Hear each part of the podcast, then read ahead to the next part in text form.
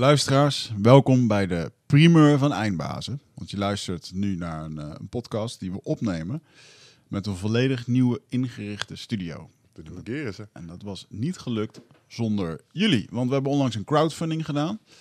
En dan hadden we één dappere held, Bart ten Oever. Die heeft het gewoon allemaal in zijn eentje gedaan. Die zei gewoon, luister, ik ga dit gewoon voor jullie fixen. En die heeft eh, ja, inderdaad eh, een, een bedrag van om en bij 5k. Zo. Heeft hij eh, voor ons weten neer te leggen. En ehm, nu zitten we dus met, eh, met onze eigen Jamie in de studio. En, eh, Jabbo. Daar hebben we het al heel lang over, want Joe Rogan heeft al Ja, een ja, Jamie ja. in de studio. En dus wij zochten al heel lang een Jamie. dus, maar we hebben Jabbo gevonden. Dus, en, eh, eh, ja, waanzinnig. Maar hij is binnenkort dus ook te gast, want dat was de deal, toch? Binnenkort is hij te gast. Hij Lachen. mag hier komen. Gewoon en, twee uur lang. eh, gewoon wat wat doet ja. hij voor werk? Nou goed, ik ga het horen binnenkort. Ja, hij heeft een eh, elektrische massagestoelen Kijk. eh, bedrijf. Bang. Maar we kennen hem al van de grote eindbazenshow. Toen kwam hij op het einde naar ons toe en toen zeiden jongens, jullie mogen best wel eens wat vaker vragen. En, en ja, dat, dat, dat hebben we gewoon niet gedaan. En soms vroegen we wel eens om donaties en dan kregen we inderdaad een paar tientjes of een keertje 150 euro. Of, eh, en op een gegeven moment dachten we, weet je, fuck it, we gaan, gewoon, we gaan het gewoon doen, die crowdfunding. En dat ging eigenlijk best wel eh, gestaag. Ik, ik denk dat er tientallen mensen hebben, eh, ehm, ja, die hebben gewoon geld gegeven. We hadden allemaal leuke dingen bedacht, filmpjes, chocoladerepen, heeft echt helemaal niemand op gevraagd. Ze hebben gewoon geld gestort en Ja. eh, prima. Zo is het, ja. Dus eh, trouwe fans, dank jullie wel. En Dat eh, werd gewaardeerd. Mooi hè? ja, we worden steeds professioneler. En we dachten, omdat we steeds professioneler worden, moeten we ook professionele mensen uitnodigen. Oh. En ehm, ik ben super blij dat, ehm, eh, dat we vandaag in de studio hebben. Giel Belen. ja. Nice. Giel, welkom. We Ja, hadden- dankjewel. We hadden in dat opzicht geen betere eerste gast kunnen hebben, want hij heeft ons daadwerkelijk nog even een beetje geholpen met troubleshooten van de nieuwe techniek zojuist. Ja, nee, ik ben ook vooral heel erg geïnter- geïnteresseerd. Kijk, voor mij is video ook nog een tamelijk nieuw fenomeen, maar ik, ik ben er het ook wel onwijs in toe. En het is een eer, jongens, niet alleen omdat die studio er is, maar omdat ik gewoon echt fervent luisteraar ben. En eh, Nou, ja. dat Ja. stond ik me net dus te realiseren toen in het voorgesprek, ik ging nog even plassen en toen stond ik letterlijk hardop te zeggen terwijl ik aan het plassen was, Giel Belen luistert naar ons. ja, Zo van, eh, ik, ik hoorde je een paar dingen zeggen die je had opgepikt uit de opnames. Ik zo, oh, wacht even. ja, Dat, ja. eh, dat is leuk om te horen, man. Ja, nou ja, het, het is ook leuk om te horen, om jullie podcast te horen, ja. Ja, want jij bent echt wel een consument van alles wat audio is. Ja. In de zin van, je moet het voor je werk doen. En eh, Ja. je bent ook een groot liefhebber van house. Zeker. Ehm, eh, maar en dat je dan ook nog tijd hebt om twee uur te luisteren naar een podcast, ja, dan eh, slaap jij überhaupt. Nou, weinig, te weinig moet ik eerlijk zeggen. Dat is echt wel een ding, omdat ik er wel steeds meer achter kom hoe belangrijk dat is. Vroeger vond ik altijd echt, was het echt, eh, nou ja, zoals dat ook een beetje was in die tijd. En misschien hebben sommige mensen het nog wel. Dat ik echt dacht, ja, slaap is zonde van de tijd. Er valt zoveel uit het leven te halen. Dus was het, ja, was ik gewoon echt, nou, ik heb letterlijk een keer een record gebroken. Zoveel mogelijk radio maken. Maar dat, ik heb dat heel lang gevonden. Slaap is zonde van je tijd. En ik merk, of ja, ik merk wel steeds meer hoe belangrijk het is om goed te slapen. Ik heb een tijdje geen ochtendshow gedaan en ineens realiseerde ik me, oh ja, zo kan je je ook voelen. Want ik was eigenlijk gewoon een soort constant moe. Wat wel lekker is, het heet wel iets, Mhm. maar het is gewoon niet goed. En eh, ik, ja, ik vind het eigenlijk wel steeds bijzonderder worden hoe belangrijk slaap is. Omdat het natuurlijk, eigenlijk hebben we geen idee wat er dan gebeurt In je slaap. in je slaap. En als het gaat om, om gelijk eventjes diep te gaan, hè, maar als het gaat om een connectie met het universele, ja, dat is dus wel wat elke nacht gebeurt. Toch grappig. hè? Mijn vriendin vroeg gisteren, waar ga je het over hebben met Giel? Ik zeg, nou, wat ik eigenlijk gewoon helemaal niet van hem ken, is zijn spirituele kant. Nee. Ja, dat zat ik me ook te realiseren. Ja. Dus eh, eh, ja, ben je er veel mee bezig? Ja, heel veel mee bezig. Ik zal je zeggen, maar eh, eh, nou ja, ik ga, nee, ik ga zeker geen concurrent voor jullie worden, helemaal niet. Maar ik, ik wil ook wel zoiets doen als dat jullie doen. Met dat verschil dat ik het, nou ja, sowieso op mijn manier doe. Maar ik ben er heel veel mee bezig, ja. Ja. Wat, ehm, welke stroming van spiritualiteit volg jij? Of, eh, Nou, dat is dus het ding. Ik wil dus juist, en dat hebben jullie eigenlijk ook hoor, eh, gewoon... ge- Want ik ben echt heel veel boeken aan het lezen en zo. En dan merk je, en dat vinden mensen ook lekker, van volg deze tien dingen, doe dit of dat en dan word je gelukkig, bla bla bla. Wat sowieso een beetje onzin ding is. Ik wil juist eh, gewoon een platform creëren waarbij er waarbij alleen maar gewoon kennis wordt gedeeld. En eh, pik eruit wat je wil. Maar niet van ik ben degene die zegt dat je dit of dit moet doen. ja. Hmm. Ben je er allergisch voor? Ik ben er niet allergisch voor, maar ik, het, het, het, dit is Ja. toch een beetje dwingend. Want je bent, niet, jij bent als persoon zijn niet heel erg zwart-wit, hè? Nee, Nee, zit nee grijs. dat vind ik een mooi eh, compliment. Ja. Ehm, nou ja, omdat heel- ik ben zelf ook helemaal niet zwart-wit, omdat ik, ja, ik, ik begrijp heel goed waarom bepaalde mensen bepaalde dingen doen, of ook hele slechte dingen. Ik begrijp waarom ze dat doen, want ze zijn gewoon zo gevormd. Hè? Dus daar kun je dan heel zwart-wit over zijn. Ehm, en ik denk ook wel dat het eh, wat meer van deze tijd is om gewoon ja, Wat opener, eh, ja, ja. wat opener Ja. te zijn, inderdaad. Ja. Leuk. Kunnen we het nog even hebben over dat eh, connecten met het universele als je Ja. slaapt? Ja. Omdat eh, wij als eh, ayahuasca-liefhebbers hebben ons natuurlijk wel eens verdiept in het eh, DMT-fenomeen. Oh ja. En een van de, van de mythes die nog een beetje om dat eh, eh, DMT heen hangt, is dat het zogenaamd aangemaakt wordt in je pineal gland. En er, blij- eh, er zijn onderzoeken die aantonen dat dat ook gebeurt terwijl jij ligt te slapen. Dus het hele idee is dat terwijl jij aan het dromen bent, gebeurt er waarschijnlijk ook iets met dat DMT in je hersenen, waardoor sommige dromen nou ja, zo levendig kunnen lijken dat je bijna een ander leven in je nacht hebt geleid. Ja. Ik heb wel eens een droom gehad die was zo intens. wa- Was ik vader in die droom? En toen werd ik wakker en toen was het er een. Ja. Dat was zo echt. Nou ja, dat en kan je nu nog aan nagaan- denken. Dan denk ik, wow, wat de fuck was dat dan? En dat is iets wat je je kan herinneren. Ik bedoel, en ik vind het al knap. Ik ben iemand die echt zelden of nooit iets van een droom herinnert. Maar eh, over het grootste gedeelte weten we gewoon niks. Ben je gewoon, nou ja, een soort van dood eigenlijk. Ja. Eh, maar dan anders. En, en dan ben je natuurlijk ook iets aan het doen. Ik bedoel, Ja. wat, wat, wat, is het anders? Wat, wat denk, maar wat, wat denk jij dat dat is? Zit er iets van die aard achter? Want via zo'n DMT-ding is dat echt... Daar kan ik me iets bij voorstellen, weet je wel? Ja, ik heb moet zelf, ik ben jaloers op het feit dat jij dat gedaan hebt. Ik zou het echt nog wel een keer willen doen. Eh, ik- wat ik ooit gedaan heb, is een DMT-trip. Mhm. Eh, en wat ik daar heel bijzonder aan vond, ik deed toen een programma, het is echt fucking lang geleden dit hoor.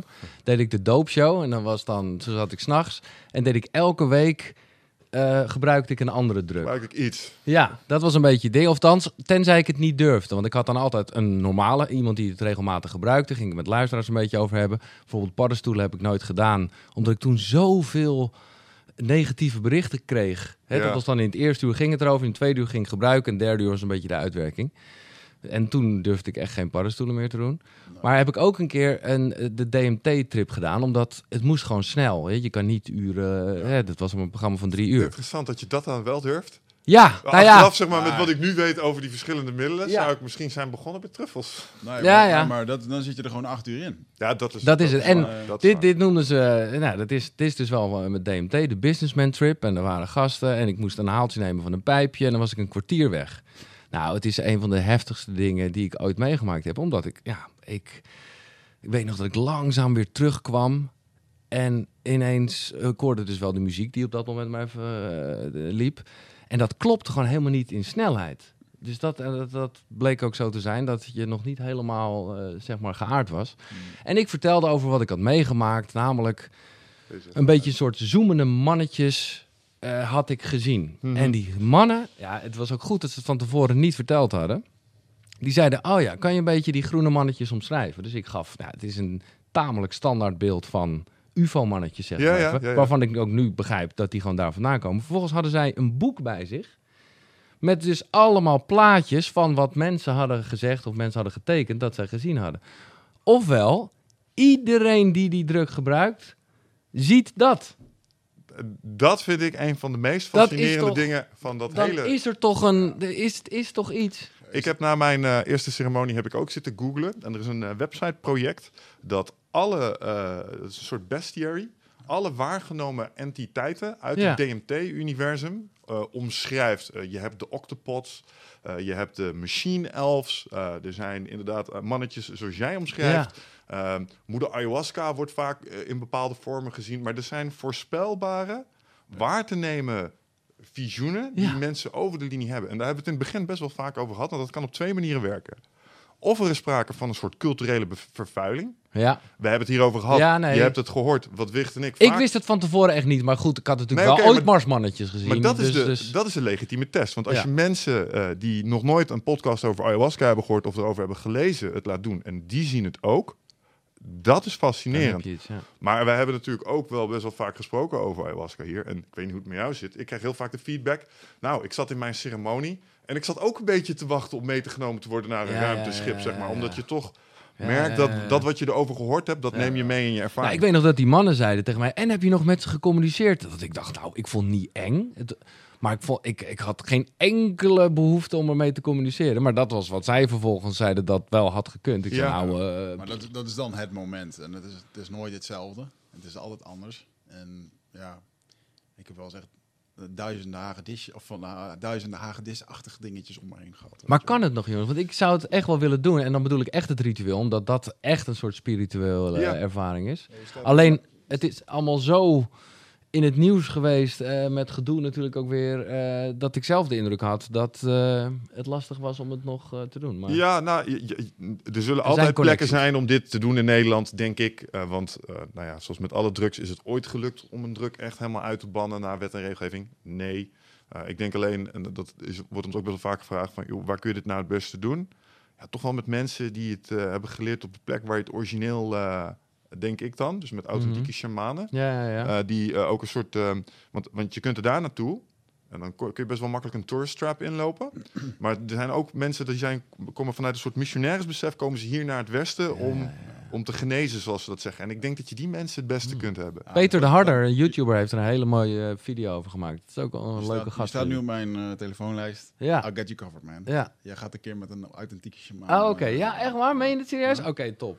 Nice. Ja, en sterker nog, wat ik, aan het, eh, wat ik altijd voor ogen had, was dat ik op een gegeven moment. eh, eh, ik mag dit natuurlijk niet officieel vertellen, maar laat ik het zo zeggen. Ik, ehm, over, ik ben iets aan het opzetten. Dat over een paar jaar dan gaan managers van directeuren over heel de wereld met mij mee naar die jungle. Ja, ja, ja. Want als je het hebt over authentiek leiderschap, dan zet ik je vijf minuten in die stam neer, hoef je geen ayahuasca te Nee. drinken. Maar dan ga het mee. Nee, dat is echt jouw ding. hè? Ja, Maar- je komt er vaak op terug. Ik vind ga het wel, heel ik, wat ik wel ga doen, en, wat ik dan, en als het dan een keer gebeurt dat ze weer naar Europa eh, zullen komen, dan wil ik iets faciliteren voor mensen die eh, invloed hebben. Mensen die dus, eh, want ja, er zijn, wordt- het wordt overal georganiseerd in Nederland, iedereen kan het doen. Maar ondertussen hebben we best wel wat mensen hier in de studio gehad. Ehm, eh, bijvoorbeeld Ronald Kaan van een Cool Ja. Jet. En, eh, eigenlijk wel hilarisch dat zo'n gasten dat, dat interessant vinden.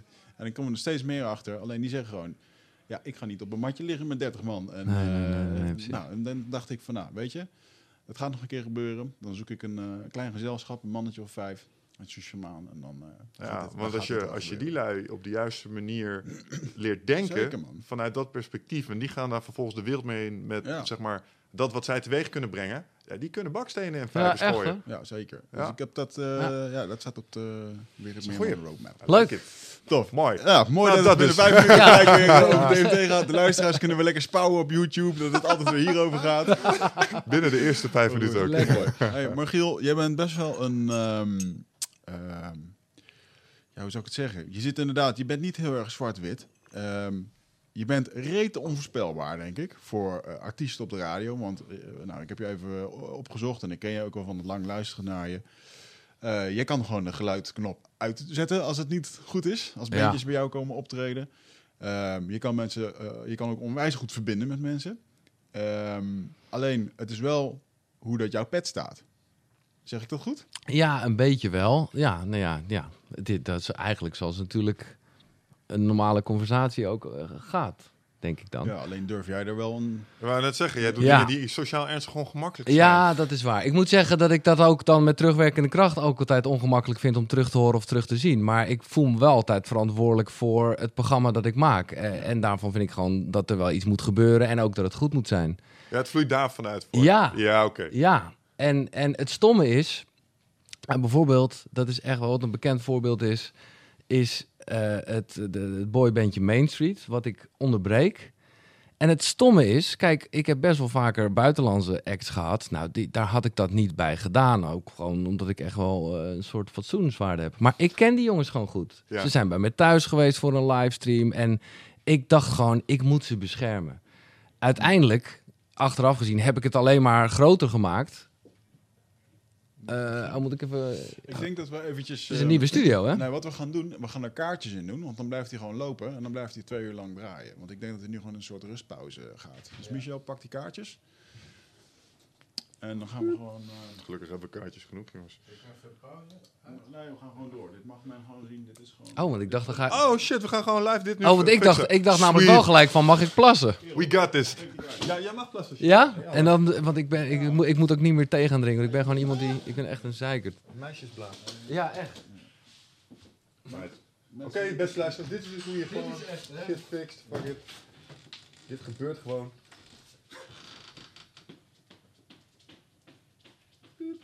En ik denk dat er ook nog wel... Ik hoor gewoon Giel door de gang rennen.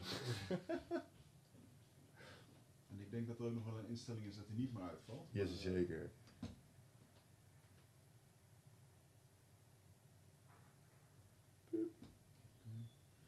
Nee. Dan gaat die, eh, ik zie nu opeens iemand die al geweest is. Ja, klopt. Ja, die zie je mij deleten. Tjoet. En de audio loopt nu nog gewoon door. Laten we een liedje zingen. Ik ben hier klaar, dus eh, De camera van Giel, er gebeurt nog niks, maar dat klopt hè. ja, daar zit nog niemand aan nu. Oké. Ja, Gaat deze aan nu? deze ook. Piep, piep. On the learning on the job, man. Soms moeten dingen misgaan. Ik heb al een paar dingen op de checklist gezet. Zoals Zorg eh, zitten dan- alle zorg- kaartjes zorg overal dat in. Giel niet het kaartje heeft van jou van de vorige keer, want die viel uit. Ik zie nu helemaal niks meer. Bij Giel niet. Bij mij? Uh, allemaal. Oké. Ehm, wacht even.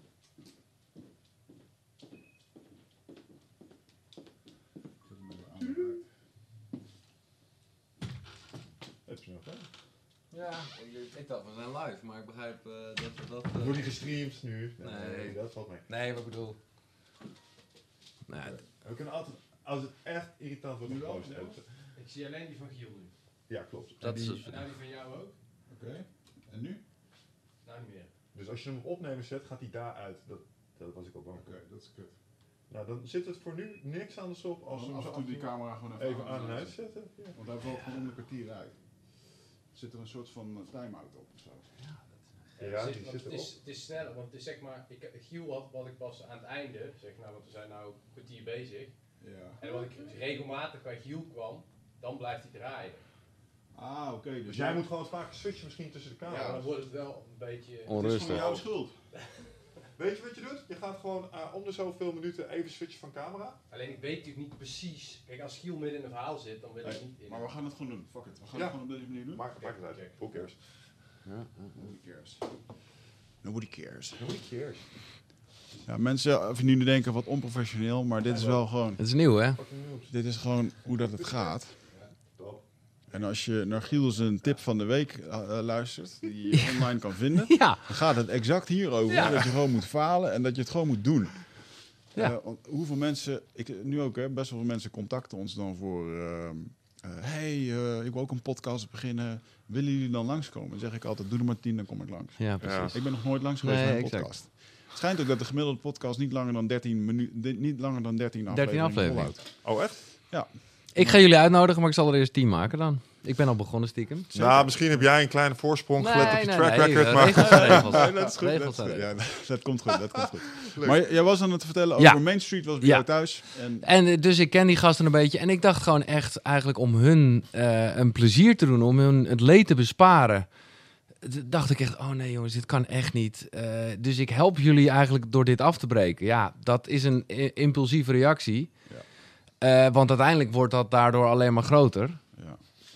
Eh, en ik heb wel vaak ook te horen gekregen van ja, het is effectbejag of wat dan ook. Maar ja, dat valt gewoon best wel mee. Kijk, ik denk gewoon, kijk, in principe nodig ik een artiest uit om, om, om te shinen, om het podium te pakken. En dat is, eh, maar zeker heb ik wel een aantal keren met rappers gehad. Ja, als die gasten al binnenkomen, het is gewoon allemaal niet goed voorbereid. Denk ik, ja, gasten, eh, come on. Ja. En dan heb ik ook wel, vind ik, te bewaken dat de luisteraars gewoon iets leuks horen en, en, en een goed product. Dus ja, Wat de eindklant zijn uiteindelijk. exact, Mhm. Ja. exact. Ja. En hebben zij dan, eh, want negatieve publiciteit kan ook wel eens gezien worden als goede publiciteit. Hebben zij daar nog, eh, heb je nog wel eens gesproken daarna met? Nou, Main Street is uit elkaar.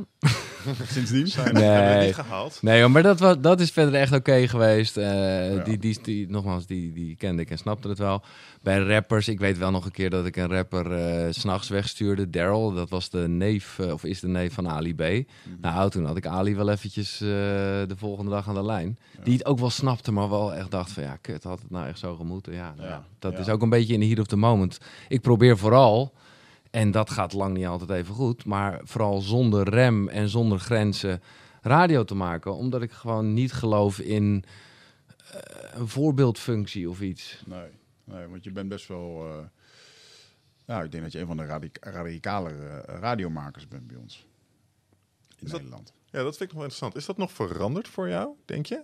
Ehm, omdat ik zat met de reden, ik zat te kijken naar je, eh, naar je track record. Ik Ja. ben best wel lang bezig eh, met dit ding. En wat ik interessant vind, is dat jij radio aan het maken was voordat er iets bestond als het internet. Ja. Eh, en toen het kwam er op een gegeven moment internet. Ja. En internet had zo zijn eerste fase, waarin iedereen misschien bekendere mensen positief benaderen. Toen kwam de fase dat iedereen eraan gewend was en mensen iets meer begonnen te spuien. Nu is iedereen een soort van gaat ervan uit dat ze je rechtstreeks kunnen benaderen. En misschien dat er nog wel respons op komt ook, want dat is tegenwoordig eh, de trend. Ik kan me voorstellen dat van nul directe feedback op die manier, van misschien brieven, weet je wel, zo van die uitgeknipte letters zoals we hier hebben, ehm, naar de meest directe vorm van feedback, rechtstreeks je hersenen in via directe berichten mogelijk. Ja, Hoe dat, heeft dat je werk beïnvloed? dat zeg je heel goed. Ja, nou ja, eh, positief. Eh, omdat ik het geluk heb gehad dat het dus in, in, in stap inderdaad gegaan is. Kijk, ik begon s'nachts.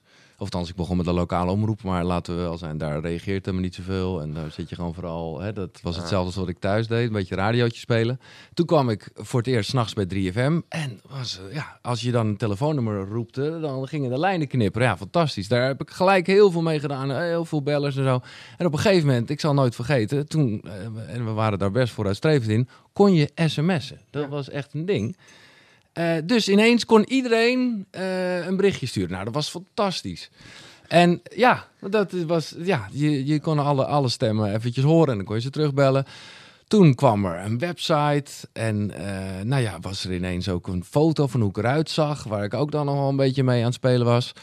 En nou ja, later werd het allemaal steeds meer en meer, maar ik prijs mezelf gelukkig met het feit dat het een beetje zo in etappes gegaan is. Mhm. Want ik heb best wel vaak te doen met, nou ja, bijvoorbeeld artiesten die meedoen aan, aan talentenjacht of eh, dat soort iets. Het is gewoon van de een op de andere dag sta je in de picture en word je dus gelijk ja, of in de hemel geprezen of gefileerd. In beide gevallen is het niet goed. Mhm. En ik heb, nou ja, weet je, eh, ja, dus sommige, ja, je noemt dat een olifantenhuid, wat ik niet per definitie positief vind hoor, maar dat heb ik er wel een beetje door gekregen. Maar ik zeg aan de andere kant, en dat lijkt me ook heel menselijk, ik kan nog steeds, dat ligt ook dan een beetje natuurlijk maar aan mijn eigen staat, zeg maar, gewoon zo echt in mijn hart geraakt worden door één berichtje. Mhm. Want dat blijft toch altijd het ding. eh, de negatieve vallen op en, en, en daar blijf je mee zitten. Dus dat is natuurlijk nog steeds eh, aan de hand. Maar ja, wat ik zeg, het is bij mij gelukkig wel in stappen gegaan. En ik vind het, eh, ja, hoe zeg je dat? Als, als mediamaker vind ik het gewoon super gaaf dat je nu echt een programma met mensen, met je luisteraars kan maken. In plaats van heel erg vroeger was het natuurlijk echt op een soort troontje naar beneden. Ja. Vaak ging de DJ ook nog een beetje een stem opzetten. Dus het was gewoon super onpersoonlijk. En hoe merk je dat, dat die eh, toenemende interactie, zeg maar, de feedback is natuurlijk één aspect. Ja. Maar je kunt ook naar een stukje met een eh, vies modern woord co-creatie toe gaan. Eh, hoe, eh, hoe heeft dat, eh, hoe jij je programma's maakte, in het moment beïnvloed? Heb je bijvoorbeeld wel eens gemerkt van, hmm, oké, misschien nu toch maar eventjes op mijn tong bijten, want directe feedback. Of, hey, nee. nu kan ik iets vets doen, kon ik voorheen niet. Nu kan ik... Ja, toch meer dat positieve. Juist omdat bijvoorbeeld, ja, luisteraars zijn echt wel veel grappiger dan ik. Dus je kan, eh, hè, met, eh, ja, eh, soms zeg ik letterlijk als een soort bericht is... Dat ik gewoon ergens voel, ja, hier zit een grap in, maar ik weet het even niet. En, dan trrr, en dan komen de grappen binnen, nou, ik was er nooit op gekomen. Ja, ja, ja, dus. Dat, is, dat is heel goed. Ja, en je, je moet dus vooral, dat is wat ik ook net probeer te zeggen met, niet, met die rem. Je moet vooral niet gaan denken van, oh nee, laat ik dit maar niet zeggen. Want, dan zou, want er is altijd iemand die beledigd is. Ja, Dat is gewoon echt. Eh, toevallig eh, kwam dat deze week nog ter sprake. En heb ik even het nummer van André van Duin erbij gepakt. Ja, het is echt super grappig. Die gaat dan een soort nummer maken. En er wordt de hele tijd gebeld. Het is echt van nou, begin jaren tachtig, dus ook echt ver van voor mijn tijd. Maar de hele tijd is er iemand beledigd in wat hij wil eh, eh, zingen. ja. Super grappig, maar ook heel erg nog steeds van deze tijd. Ja, laat dat dus gewoon los. Ja. Want er is altijd wel iemand die beledigd is. ja. Heb je daar... Oh, sorry. Vond je die, ehm, die, die- Want op een gegeven moment kwam er natuurlijk op het moment dat men kon, mensen konden sms'en. Ja. En dan weet ik ook nog wel dat ik wel eens in de auto zat. En toen kreeg ik een eh, telefoon van de zaak. Toen dacht ik, nou, nu kan het wel. Ja. Ja, ja. En dan werd je mening gevraagd. Ja. Of, eh, dan moest je ja of nee. Ja, En ja, zeker ja. met die, wat, jij, wat jij dan deed, met dan mochten mensen eigenlijk in vijf minuten werden ze gefileerd of gevierd. Ja. En, ehm, eh, en dan hoopte je eigenlijk als luisteraar ook nog dat jouw berichtje even voorgelezen. Ja. wordt voorgelezen. Ja. Dus wat ging je doen? Ja, je ging toch bijzondere dingen dan eh, zeggen, weet je wel. ja, En, dat is ehm, toch top? eh, ja, voor de interactie met de luisteraar is dat wel echt grappig. Toen was er dan nog niet echt het social media gebeuren. Nee. Ehm, maar dan denk ik, in die tijd daarvoor had je dan alleen maar die, eh, hoe heet dat toch ook weer? Hoe, waar ze de, het beeld en geluid meten, zo'n landelijk systeem. Ja, de KLO bedoel je? Dat gaat ook helemaal nergens over, Nee, volgens mij. nee, nog steeds niet, maar- nog steeds niet, nee. Nee. Want radio is nog steeds niet dan heel erg te meten. Behalve dat je nu direct respons hebt van je luisteraars. Ja, maar Ja. de officiële meetmethode is nog steeds Kansloos. kansloos. Want dan moeten mensen dus, nou, ze moeten net geen schriftje meer invullen, want dat is tegenwoordig wel online. Maar ze moeten dus achteraf invullen. Oh ja, wat, eh, toen heb ik volgens mij dat geluisterd. En toen heb ik volgens Dit mij gaat dat. over 800 televisiehuishoudens in Nederland of zo. Nee, het is hetzelfde als met televisie. Alleen bij ons, eh, kijk, bij televisie krijg je nog dagelijks een rapport. Wij krijgen het eens in de twee maanden. Ja.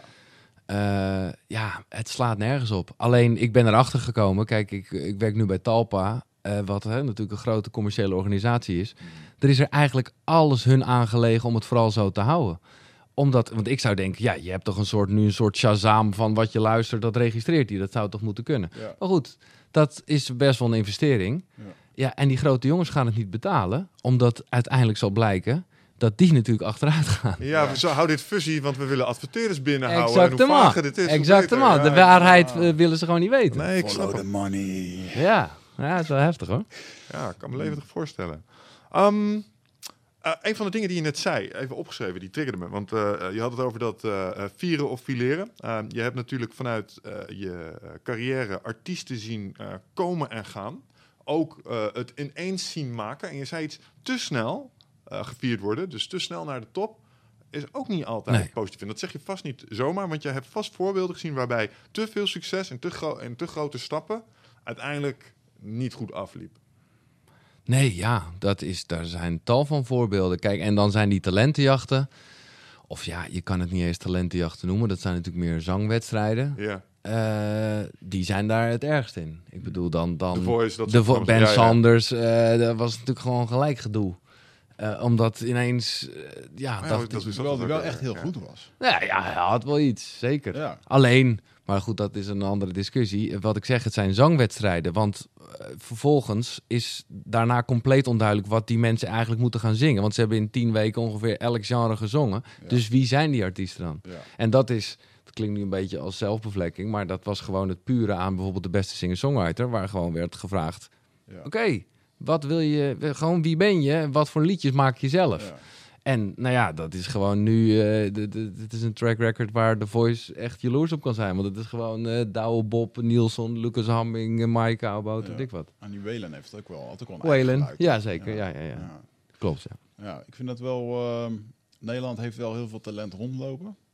Maar ik denk inderdaad met dat soort televisieshows dat het af en toe gewoon er verkeerd uitkomt of gewoon helemaal niet. Ja, kijk, uiteindelijk ligt het ook aan je persoonlijkheid hoor. Eh, alleen is mijn ervaring wel met de, de artiesten dat de grootste artiesten vaak de relaxter zijn. Soms heb je wel natuurlijk dan een beetje management eh, eromheen wat heel druk doet. Ja. Maar uiteindelijk blijken dat gewoon de relaxte klanten. En je ziet het inderdaad bij bandjes, eh, ook gewoon bij bandjes echt wel misgaan. Dat als het succes daar is, dat ze ineens ja, zich gaan gedragen zoals misschien ook mensen willen dat ze eh, gaan gedragen. Hoor. Ja. Want mensen willen ook een zo van, oh je bent nu een ster. Ja, Moet je wel in dikke auto's ja. geld Wat natuurlijk niet waar is, maar dat, dat voelen ze dan zo. Ja. Ja. Is grappig dat je dat zegt, omdat ehm, ik moet dan altijd denken aan eh Axel Rose, topman van Guns N' Roses, diva gedrag. Je hoort dingen van, ach, ik weet niet welke van de R&B zangeres het is, maar die wil geen eh, blauwe M&M's Ja, ja, ja, eh, ja, dingen hebben, weet je wel. Ja, ja, ja. maar dat zijn dan natuurlijk de, de, de excessen.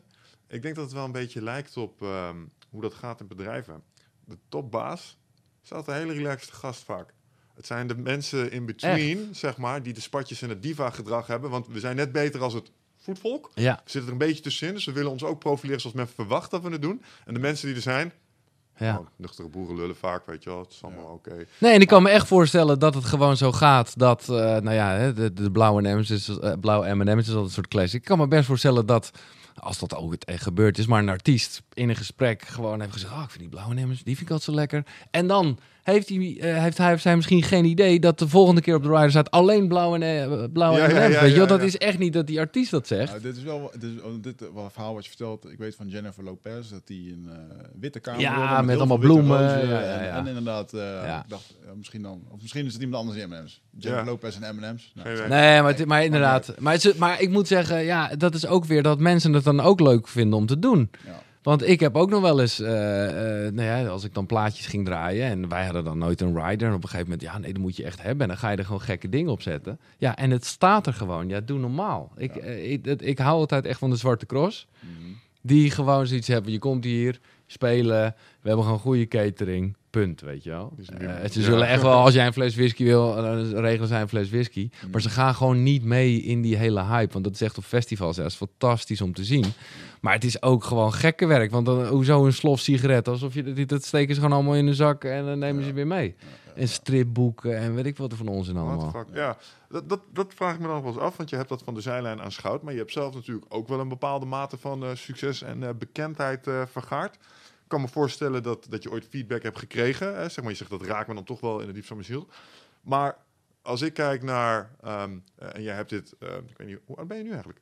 42. Ja, oké. Dus je hebt dit ook in je, zeg maar, je twintiger tot dertiger jaar heb je dit ook meegemaakt. En als ik even op mezelf eh, projecteer. Stel je had ehm 29-jarige tot 35-jarige Michel. Had je wat bekendheid gegeven. Ja, ja, ja. eh, wat centjes gegeven. Mensen die hem vertelden dat, eh, dat hij het best goed deed.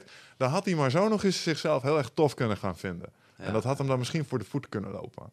En als ik jou zo meemaak, je lijkt nul van dat te hebben. Maar heb je misschien wel eens zo'n fase gehad? Misschien kun jij dat nog herkennen Nou, van eindbazen. Toen we voor de eerste keer eh erachter kwamen dat we op één kwamen zo. Op een gegeven moment dacht je, hé hey man, Hey, we zijn ja, eigenlijk wel ja, lekker ja, bezig. Ja, weet je wel, dat gevoel. wel, ja. Maar Um, ik, ik herken wel dat er een soort van... Men vond jou wel de, de rebels. En misschien heb je dat gedrag ook wel een beetje tot je genomen. Van ja, ik ben Giel, ik ben die rebel. En misschien ga je dat ook wel een stukje identificeren op een gegeven moment. Ik hoop het niet, maar ja, je, je, gaat, hem, oh, je gaat het misschien nooit eh, helemaal uit de weg. Maar vergis je niet, kijk, ik heb gewoon... Ik ben gewoon, ja, ik zei altijd bij de publieke omroep, zeg ik, ik ben gewoon een ambtenaar, weet je. Ik heb gewoon dagelijks een programmaatje. Mhm. Het is niet dat ik van hot naar her ga, van project naar project. Nee, ik maak een radioprogramma. Dat vond ik ook altijd, of vind ik altijd het grootste compliment. Dat mensen, je, ja, ik ben geen artiest. Dus eh, er zullen echt wel eens mensen op de foto willen en een handtekening. Dat, dat begrijp ik dan niet zo, maar dat, vind, ja, dat is gewoon, hè, dat, dat sparen mensen dan. Maar het is niet als ik dat met artiesten wel eens meemaak, die echt gelijk verhalen krijgen. Oh ja, jouw nummer is gebruikt bij de crematie van, eh, weet je wel, gewoon heavy shit allemaal. Ja, ja, ja. En, en bij mij is het gewoon van, oh ja, en dan zeggen ze bijvoorbeeld iets. Ik het zal nooit vergeten dat iemand over mijn keuken begon. Dat ik even dacht, hoe weet diegene? Oh ja, dacht ik, ik heb dat gewoon verteld op de radio natuurlijk. Die is wel. Dus Ja. het is gewoon, ja, ja maar dat, is- dat is heel erg hetzelfde als met jullie. Dat, dat je gewoon, je, je, ja, je kent, ik, ik denk ook jullie te kennen eh, van, van alle podcasts die ik beluisterd heb. Ja, dat vind ik een groot compliment. Maar dat is dus niet, dat is geen verafgoding. Dat is gewoon, Ja. gewoon op hetzelfde level als het goed is. Ja.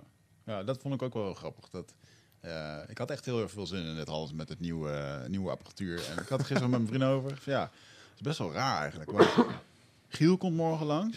en die is gewoon DJ van heel Nederland. Ik luisterde vroeger naar hem. Ja. Maar hij komt langs. Maar ik heb er totaal geen goden v- verering Nee, nee, voor. nee. Of het is gewoon, hij is ook, want het grappige is, wij connecten elkaar.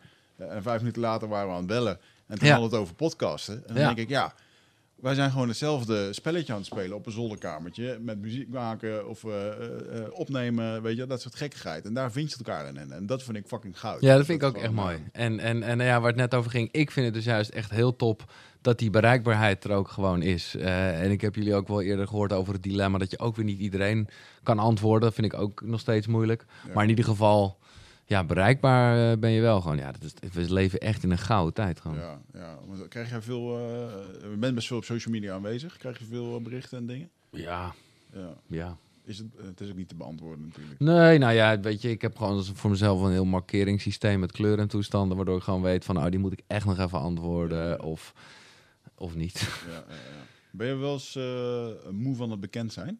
Nou, ik, laat ik het eerlijk zeggen. eh, ja, als het niet had gehoeven, dan was dat heel fijn geweest. Kijk, als het, eh, wat jij net zegt met heb je wel eens een fase gehad? Ik moest gelijk denken aan dat ik wel eens een fase heb gehad dat ik merkte dat ik gewoon wat schuur werd. En gewoon niet naar dingen toe ging, omdat ik Mhm. dacht, oh, weet je wel, ik blijf vanavond wel thuis. Eh, en toen heb ik wel op een gegeven moment gedacht van, dat heeft misschien een paar weken geduurd, of een, hooguit een paar maanden. En toen dacht ik wel van, nee, dit, ik moet me ook niet mijn leven de- er te veel door laten leiden. Dan moet ik dan maar gewoon overheen stappen.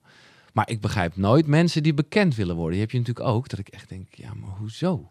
Dat, dat, en dan maakt het in hun geval vaak niet uit waarmee. Terwijl voor mij is het echt...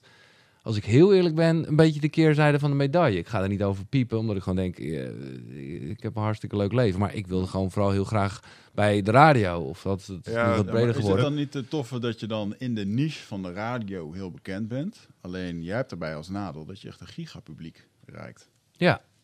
Nou ja, het is, eh, nee, dus het is een soort nadeel, omdat ook omdat natuurlijk vaak genoeg mensen wel een mening hebben en ontstaat gelijk even een sfeertje. Ik heb het heel vaak niet meer door, omdat het toch echt best wel een soort tweede ding is geworden. Ja. En dan merk ik het vaak, daar vind ik het ook altijd het, meest vreselijk voor mensen die dan met mij zijn, die dan ineens tegen mij gaan zeggen, oh ja, eh, eh, ja, wat is er aan de hand? Of iedereen kijkt zo, dat ik echt denk, oh, dat heb ik helemaal niet meer door. Maar ik merk het wel vaak, toch heel classic in het buitenland, dat er ineens toch wel een soort één laagje van je afvalt, Hmm. omdat, omdat toch dat er niet altijd is. Ah, hier kennen ze niet. Hier kan ik even ongegeneerd aan mijn ballen krabben. Nou ja, dat, ja, dat, kan ik sowieso wel. En nogmaals, dat vind ik het goede. Nee, maar dat is echt. Stel je voor dat je echt een artiest bent met een imago. En soms zit er daar hele plan achter. Dan moet je echt dit soort dingen in de gaten Mm, houden. Ik ben heel blij met het feit dat ik dat gelukkig niet heb. Dat heeft, het is ook weer niet altijd even positief. Maar het, is, het zorgt in ieder geval voor dat ik wel altijd aan mijn ballen kan krabben. dat zo'n Rinaldo, eh, die voetballer, die huurt gewoon een restaurant af. Ja, zo van dan kan hij lekker eten. Ja, ja, ja. ja, je niet rustig, ja, ja, ik snap het. Ja. Ja. En, en ben je wel eens op het punt gekomen, want eh, dat je bijvoorbeeld eh, in aanraking kwam met, eh, nou we hadden het er straks even over Jan eh, Dijkgraaf. Een van die dingen die, die me dat gesprek opviel, oh joh, je zult toch een keer, want hij heeft een bepaalde vasthoudende persoonlijkheid, laten Ja, zo ja, ja. verwoorden. Dat zo'n gast vanuit zijn eh, beroep als eh, eh, journalist besluit, ah, ik ga die Giel Belen, die ga ik eens even op de korrel nemen, of je komt in de privé of wat dan ook. Dat lijkt me toch ook wel een aparte ervaring. ja super Als passie voor sensatie gaat inzetten. Ja, ja, ja. Nou, ik heb het nooit. nou, ik heb het één keer wel echt in de categorie. eh, hoe heet het? eh, in de bosjes met camera's. Toen had ik namelijk een hele jonge vriendin. En ik was daar gewoon. ja, ook eventjes niet echt een open boek over op de radio. Omdat ja, het was heel spontaan gegaan. En na de eerste date kwam ik erachter dat ze 17 was. Ik dacht, oh shit, Oh, weet je wel, wat shit. een ding. ja, dus toen, dat was wel echt het moment. En toen heb ik ook wel echt gemerkt, want dan gingen ze echt haar school bellen. En net doen alsof ze van de school waren. Maar ondertussen was het de privé in de story en zo. Dat ik echt dacht van, holy shit. Hè, dat ik ken van Amerika en Engeland, dat hebben we toch ook wel een beetje in Nederland. Ja, ja, ja. Maar voor de rest, nou ja, een beetje waar we het net over hadden, ben ik ook niet een van die spelers. Want ik ben gewoon ook maar een mannetje van de radio. ja, ja, ja, Dus ja. zoveel last heb ik ook niet van. Maar Ja, gelukkig. Ja, Ja. Toch hebben me dat altijd wel verbaasd dat er wel eens van die programma's keken waar ze van die, eh, foto van die fotografen volgden. En ja. waarom vind je het nou zo belangrijk dat dit naar buiten komt? En dan, eh, dan was dat echt een soort van missie van ze om Ja. en, en dan het liefst, het liefst hetgene uit de kant te halen wat stonk. Ja, Nou dat ja, is het. Nee, wat ze eigenlijk gewoon wilden was geld verdienen met zijn socialisme. Eh, maar ze nemen een moreel, eh, zeg maar, high ground. Zo van nee, de mensen mogen het weten, is publieke persvrijheid. Ja. En daarmee zijn ze dan beschermd. Ja. En dat is wat ze zo fucking irritant maakt. Kijk, het mooie vind ik altijd, want ik probeer het altijd wel heel positief te zien, is dat het gewoon zo lekker menselijk is. Namelijk gewoon dat je dingen wil weten van andere mensen. Ja. Eh, en op een gegeven moment ja, zijn er een paar grote eikpersonen. En, en dan, ja, dat is precies waarom roddelbladen natuurlijk lopen. Ja. Maar in, in de basis is het niet heel veel anders dan wat jullie doen op een iets mooiere manier. Maar wel het, eh, hoe zeg je dat? Het, uitbre- het uitwisselen van informatie Ja. en gewoon connecten met elkaar. Maar ik vind het toch grappig dat mensen het ertoe vinden doen. Want als je bijvoorbeeld Giel Belen in Google tikt, vind ik altijd interessant. Op Wat was het eerste aan- woord? Oh. Eh, radio volgens mij, maar Oh. niet altijd. Er kwam, kwam ook relatie en vriendin aan de orde. Zo Ja, van, precies, dat ja. mensen dan ineens interessant vinden Ja. eh, eh, hoe je relationele status is. Of eh, Ja. als het dan uitgaat, dan moet dat blijkbaar in een blad worden uitgemeten. Ik heb best wel wat relaties verbroken. Jezus Christus, als dat elke keer, als dat was gebeurd, ook in een of ander blad of op het ad.nl had gestaan, Ja. ehm dat had ik niet leuk gevonden. Nee, ik zal je eerlijk zeggen, met mijn laatste relatie, die ook dus is uitgegaan, eh, had ik zelf ook totaal niet de behoefte om daar iets over te zeggen. Eh, dus dat sleepte gewoon een beetje voort. En ik dacht, ja, ik vond het soms best wel ingewikkeld. Want ik vind het gewoon altijd wel leuk om persoonlijke verhalen te delen. En nou ja, da- daar moest ik dan een beetje op letten. Maar eigenlijk ging dat prima. Maar in dit geval eh, was het toch echt mijn vriendin of mijn ex-vriendin die daar toch eh, ja, wel behoefte aan had. Ook een beetje eh, om in haar wereld ja, dat, ja, dat dat toch even bekend was. Omdat zij wist, zij, zij heeft het altijd gehaat, eh, dat hele bekend zijn en op de foto gaan. Maar zij wist gewoon, en daar had ze gelijk in, van het gaat hoe dan ook een keer een dag een ding worden. Ja. Dus ja, ik heb dat heel erg uitlopen stellen, maar dan weet je ook gewoon van ja, mensen, ja, dus toen heb, ik- dan heb ik het bijna als een soort halve persconferentie. nou, dat is overdreven, maar heb ik het wel even echt zo bekend gemaakt. Ja, Maar zelf denk ik echt, joh, eh, ja. Ja. Volgende Maar keer ja. kun je gewoon in eindbazen komen. Nee, Twee precies. kunnen we eh, daarvoor kunnen we de zwart Nou, maken ik heb zo. nu, Ja, ik vond het wel echt een ding. ik heb nu een liedje gezongen voor haar, wat ik gewoon, ik dacht, kijk, dan maak ik er ook wel weer gelijk wel een ding van. Want dan denk ik ook, oké, eh, dan moet het ook nog leuke radio zijn, of gênant of pijnlijk. Nou, dat laatste werd het vooral. Eh, omdat ik één liedje echt nog best wel ben gaan oefenen en dat live op de radio gezongen heb. Nou, eh, ik, ik, ik, had mezelf onderbroken normaal gesproken. Maar Voor goed. je ex gewoon ook nog. Ja. Ja, zeker. Een heel lief liedje. Maar dat is wel diep. Het gaat toch even diep op de pijn die je hebt. En eh, Ja, ja, Ja. is dan grappig. Dat, wat ik ook zo, oh, dat vond ik zo zielig voor die gast. Die, dat radiokoppel waar die een vriendin had die zwanger was. Wietse Oh, en, Mattie, Mattie ja, was dat, ja. negen ja. maanden lang in plezier lopen Ja, tetteren ja. dat hij kinderen krijgt. Oh, en dan man. waren zijn kinderen ook nog van iemand anders of zo. Dat Ja. Ja, ja, Ja. ja, ja, ja. Ja, heftig verhaal. Ik En, ben niet eh, voor huiselijk geweld, maar soms snap ik het. Nou, ja zeg. Op de radio. Nee, ja, Mattie, maar dat heeft hij ook heel goed gedaan. Fucking goede radiomaker. Echt, eh, ja. Ja, ik moet wel zeggen dat eh, hij is dan een soort radiomaker. Ik ken hem dus alleen maar van dit verhaal. En af en Ja, toe ja. van de billboards langs de snelweg. ja. Maar ik luister zelf eh, niet meer zoveel radio. En, eh, Nee, snap ik. Ik ook niet. En Dat, hij is voor eh, mijn generatie en dat dan op zich dan weer. Ja, ja. Ja. Dat vroeg ik me trouwens nog wel af, als we nog heel eventjes eh, Ja. naar onze eigen naam mogen sluiten. Je zei, je luistert naar de Eindbaas podcast. Je luistert vast ook nog wel naar andere podcasts. Zeker, ja. Maar wat waren de afleveringen waarvan je ziet van, oh, deze zijn echt... Welke Oh. thema's vond je, spraak je aan? Nou, de, de ayahuasca hebben jullie echt een keer een hele uitzending over gemaakt. Eh, dat is echt een oude. Eh, maar ook gewoon de mensen dan die ik ken. Ja, dat weet je gewoon de, de, de, Patrick Kikkers en de Michael Pilacics. Brrr, ja, dat Hoe is dat voor jou om in een nieuwe rol eh, trouwens superleuk. Superleuk. En ik, ik, ik, ik, ja. Ja, ik zie dat. Het, het is natuurlijk ook gewoon wat de toekomst is. Of de toekomst, het is nu. De- de- en dat. Ja, ik vind het een bijzonder mooie vrije wereld. eh. Waar denk je dat de podcast magie, wat, wat is dat? Want het is een dingetje. En het is net weer anders en het werkt nu. En waarom, Ja. wat is dat, wat het laat werken volgens jou?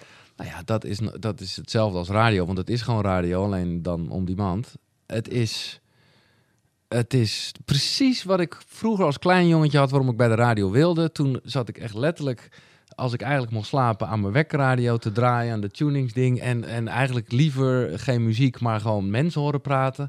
En dan, dan ben je er gewoon bij. Je hoort mensen praten en je zit aan een gesprek. Ja, Eh, en, en kijk, natuurlijk, als ik radio maak, dan vind ik het leuk om ook echt daadwerkelijk een stoel vrij te laten voor de luisteraar, hè, qua, qua reageren. Maar nou ja, hè, eh, in het geval van een Edwin Eversachtig programma, is het natuurlijk ook gewoon luisteren naar eh, drie gasten die aan een kroegtafel dat je zitten. dat zegt. Ik heb nog een herinnering van vroeger. Het was dan niet draaien aan de wekkerradio. Hadden we dus, had ik zo'n grote tv. Had ik voor mijn verjaardag schuldens gekocht. Ja, En dan kon je hem ook op Nederland 1 en 2. En op Nederland 1 had je dan zo af en toe had je testbeeld. Misschien ken je dat nog. Dat ja, ja zeker. eh, Ja, ja. En dan soms werden daar radioprogramma's Ja. onder afgespeeld. En ik kan me nu nog een gesprek herinneren. Dat ging best wel diep destijds. Ehm zat ik met mijn Lego-blokjes te spelen. En toen was een meneer aan het uitleggen over een van de kwantummechanisch principes. Dat dingen er alleen waren als je ernaar keek. En jij zat met Lego blokjes. En ik zat daarna te luisteren van, ik snap dit niet, zeg Nee, oh, Oké, dan, nee, dan ben ik blij dat je dat eraan toevoegt. Ik denk al. Jij eh, ging bellen met de radio. Nee, maar eh, het feit dat gesprekken tussen twee mensen die ergens Ja, heel begeisterd, ja. zelfs op jonge leeftijd, had ik ook zoiets van, ik, ik snap echt helemaal niet waar dit over gaat. Dus blijf maar wel blijven plakken, maar desondanks. Ik denk dat dat de kracht is. En dan vind ik gewoon zelf eh, ja, radio toch net even wat mooier dan, dan iets met beeld. Hmm. Al ontkom je er niet aan. Maar ja, je kan ondertussen namelijk ook nog doorgaan met waar je mee bezig bent. Waardoor het echt ook een soort vriendje wordt. Want ja, waar je ook bent, eh, eh, Ja. diegenen zijn erbij. Ja. En, en dan moet je fantasie toch ook nog, tenminste dat is bij mij altijd, ga ik toch denken, oh, hoe, hoe ziet dat eruit daar? Ja, je dat is gewoon fantastisch. Maar dat is wel grappig, die, die stem die je hoort. Ik weet nog heel goed met een, eh, een Edwin Evers. Hij heeft een hele unieke stem. Ja, En ehm, toevallig zat ik jou te googlen en hij vertelde wat over jou, over wat dingen die jij op de radio had gedaan.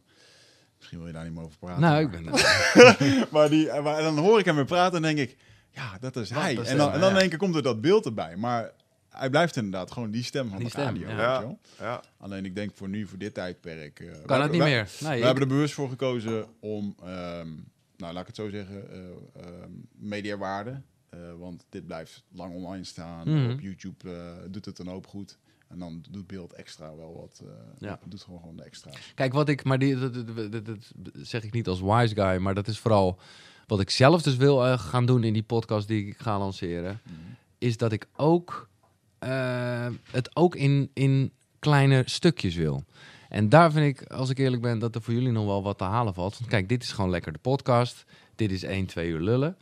Maar ik denk dat als het gaat over gewoon goede videocontent, dan zou je nog best eens een keer, oké, dit stukje daarover, zeven minuten. En misschien zelfs met, met eh, extra beelden nog eventjes erbij. Ja. Eh, eh, dat, maar goed, dat is gewoon 2.0. Maar dat is wel iets waarvan ik zelf denk. Kijk, nou ja, laat ik het gewoon zeggen. Eh, wat ik ga lanceren, eh, of lanceren, wat eh, ik ga beginnen is Koekeroe. Eigenlijk ben ik al begonnen, maar ik ben te laf om het al eruit te gooien. En dat is een soort zelfbedacht woord. wat gewoon een beetje gaat over je, je, je inner goeroe, je eigen drijfveer en Hoe vlam. zei je dat? Koekeroe. Koekeroe. Maar het betekent ook kort. Omdat ik ook gewoon denk van... ik wil ook gewoon mensen wat hapklare brokken geven. Want ik denk wel dat het daarmee nog groter kan zijn. Want Ja. Weet je, podcast is natuurlijk... en het begint gelukkig wel te veranderen... ook een beetje geworden van... oké, we, we starten de opname en we kijken wel. En, en, en nou ja, iemand als Kik, jongen, ik vervloek hem erom. Omdat ik het wel allemaal wil luisteren. Zeker als het over radio gaat. Dan zit hij weer, heeft hij weer drie uur. Ja, hoeveel tijd denk je dat ik heb, gast, weet je wel? Dus... dus eh, dat zijn net die korte snippets zijn ook voor ons nu degene de, die ons voor de voeten lopen in die top 10 lijstjes van iTunes. Want er staat er zo'n titel.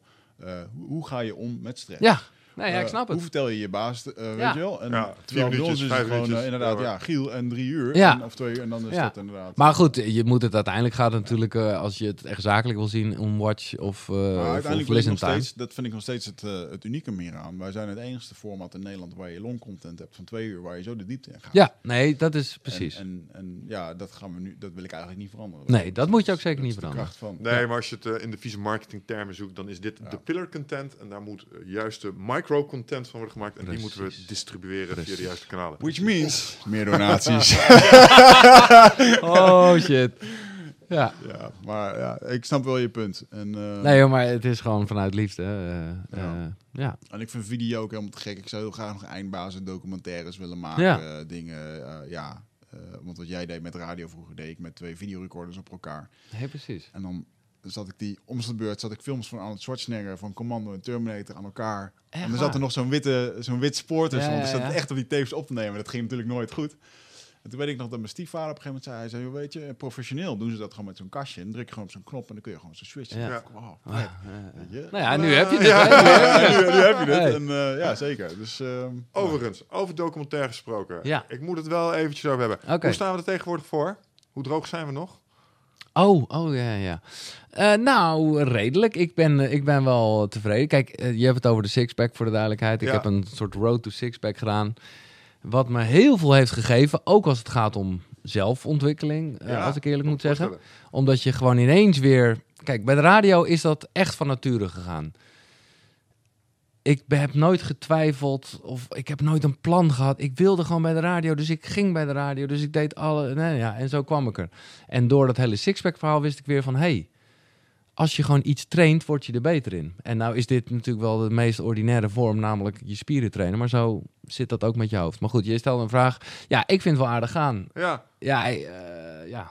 Ik vond, het, ik vond het leuk om te zien. Hoe was het voor jou om die wereld, want je, je komt Ja. uit de radiowereld, en ineens kom jij in de wereld waar Wicht en ik eh, al een tijdje vertoeven. Ja, Eh, de vechtsporters, de, Ja. de fitnessboys, allemaal gasten met fantastisch. zulke nekken, zo'n kaarklein Ja. en een bepaalde mentaliteit. Ja, Eh, ja. dat zal wel even wennen zijn Ja, ik vond het fantastisch. En ik vond het ook echt leuk dat, ik bij, dat, dat het dus ook echt een soort documentaire werd. Dat was ook allemaal niet echt heel erg de insteek. Ik dacht gewoon wel van, ik ga een film maken. Ik wil gewoon een filmpje maken. Ook gewoon, dat was mijn eigen drijfveer. Dan Mm. moet ik het ook wel doen. Eh, maar uiteindelijk kwam ik bij die gasten. En vond ik het zo leuk dat het uiteindelijk een serie geworden is. Omdat ik gewoon dacht... ehm, ja, de eerste was... Ja, dat was de eerste waar ik echt op bezoek was, was Mo Bicep.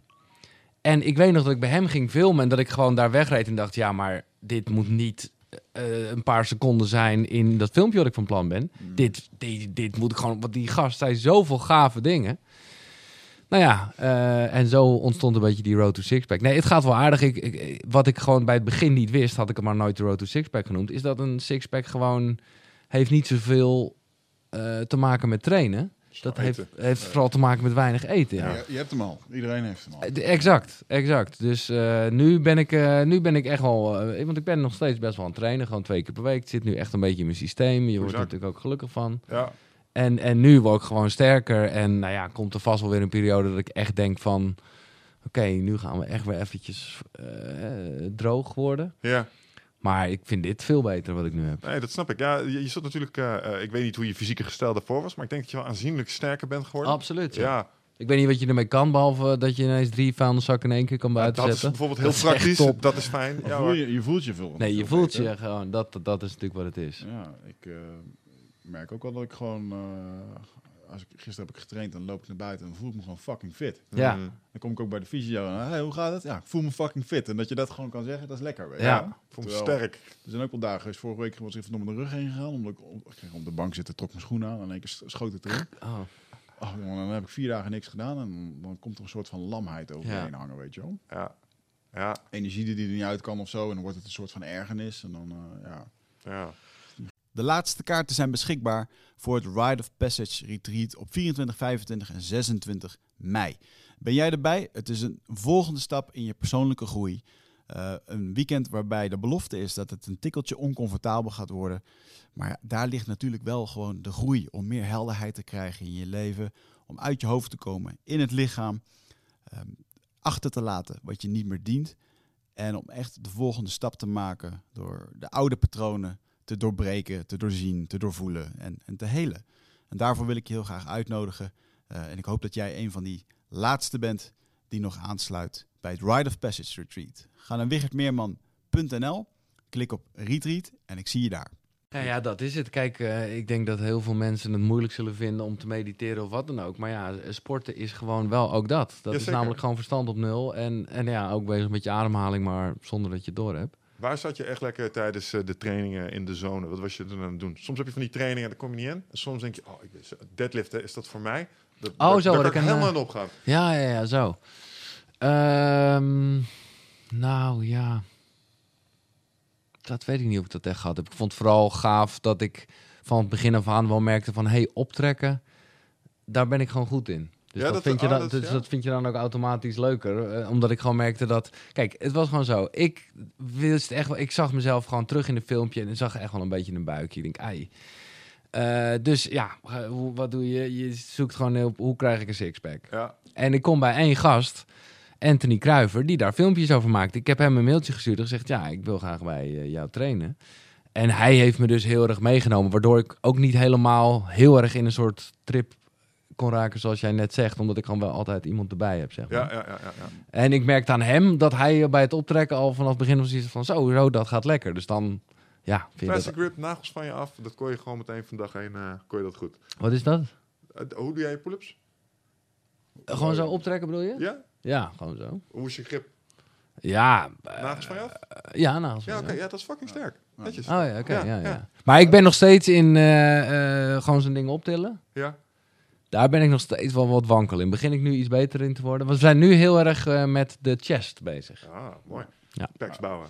Vraagt Ja. de gemiddelde man of dat hij zich drie keer kan opdrukken of optrekken. En dat kan echt niet. Nee, nee, oké. Ja, Ja, wat weet je zo idem. uit je hoofd? Wat was de laatste keer dat je, dat je pull-ups deed en hoeveel deed je toen? Nou, ik zit, doe dus nu heel erg met gewicht. Eh, Weighted pull-ups? Weighted Ah, met pull-ups. gewicht aan zijn voeten, met je voeten. Ik zag het op je Instagram. Ja, en dus ik zit nu gewoon op... eh, nou, ik heb verschillende soorten inderdaad, maar ook eh, die, die jij dan laatst zag. Nou, dan heb ik 30 kilo. En dan, eh, maar dan kan ik het ook maar vijf keer. Maar, Maar vijf Maar- keer met... maar- dat is, Nou ja, dude. oh, nee. Het was- het was deze grip zo. Ja, dat was de, nou, was de nou, small grip. ja. Dan nog. Dan nog. Ja, zeker. sterk, Ja, het is fucking goed, sterk. man. Ja, hoor, ik bedoel, netjes. de gemiddelde man doet het je niet na. Laten we dat vooropstellen, ja. ja, Ja. Mooi. Hey, Maar ik zou nog wel, maar dat is gewoon meer misschien dat eh, iemand die luistert daar een tip voor heeft of zo. Want kijk, ik heb er nu zelf een soort spel van gemaakt. Hmm.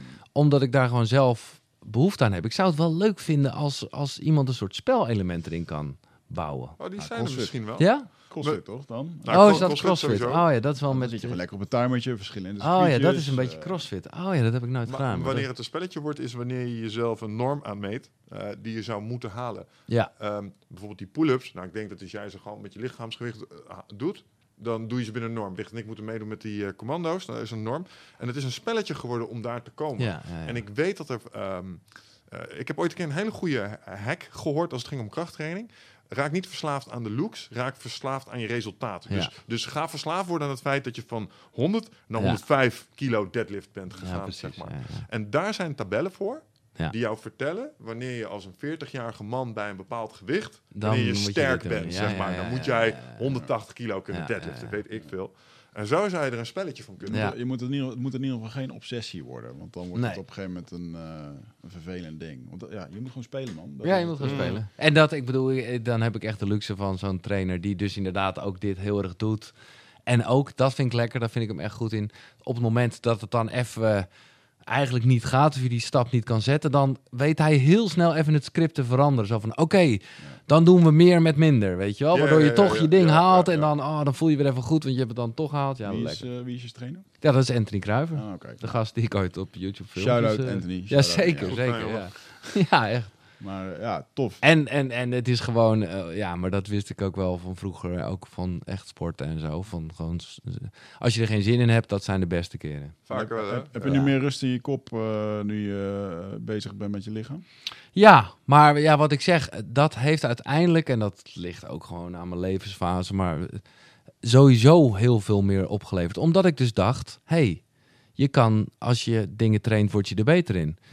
Dus ik ben bijvoorbeeld letterlijk eh, dat ik ging googlen van, oké, kan je ook je hersenen trainen? Ik ga nu al wekenlang eh, twee keer, of nou, ik doe het nu één keer per week, neurofeedback. Ja, Omdat ik gewoon denk, ja, waarom Ja. zou je ook niet je hersenen trainen? daar heb ik echt hele goede dingen over gehoord. Ja, Met van die plakketjes op je hoofd. te Ja. staan. Ja, dat gebruiken ze om bijvoorbeeld migrainepatiënten uh, de, hersen, uh, hersenen te reguleren, zodat ze aanvallen kunnen voorkomen. Ja, dat moeten ze dan doen door een autootje midden op een weg te houden. En dat train je je hersenen op een andere manier. Is gewoon neuroplasticiteit. Ja, dat is echt de toekomst hoor. Het is eh, niet voor niks dat, eh hoe heet die, Elon Musk helemaal in die wereld is gestapt. Dat wordt echt... Ja, de dat, is, toekomst. dat is eng, Heb je dat gezien? Nee, ja, die ik heb de- presentatie ja, die gezien, presentatie heb ik gezien. Nee, precies. Vond je het niet geniaal? Ja, Dat die, eh, die, die man, die, zijn, humor is zo grappig, Ja. maar zijn delivery van die grapjes is zo ongelukkig. Dat hij Ja. daar op een gegeven moment over... Ze hebben dan zo'n zo'n de neural link. En die gaat met een chirurgische robot echt van duizend van die dingetjes in- achter in je oor prikken. Hij zegt ja, en je wilt natuurlijk wel dat dat een beetje goed beveiligd is, hè? Anders krijg je straks mensen die staan vast zo van updating. Ja. En, en de manier waarop dat nee, dat zeg je toch niet? maar ik vind ook, eh, ik bedoel, ik vind het een held. Maar ik was, eh, dat is alweer twee jaar terug, op South by Southwest, een fantastisch muziekfestival. Mm. Maar het gaat ook wel over andere dingen. En daar was hij als special guest, hè, dat hadden ze niet aangekondigd, ineens was hij daar. Nou, ik vond het toch wel vet. Maar toen de verafgoding, omdat ja, meneer heeft natuurlijk, die begint daar te lullen alsof hij heel planeet Mars al heeft ingericht.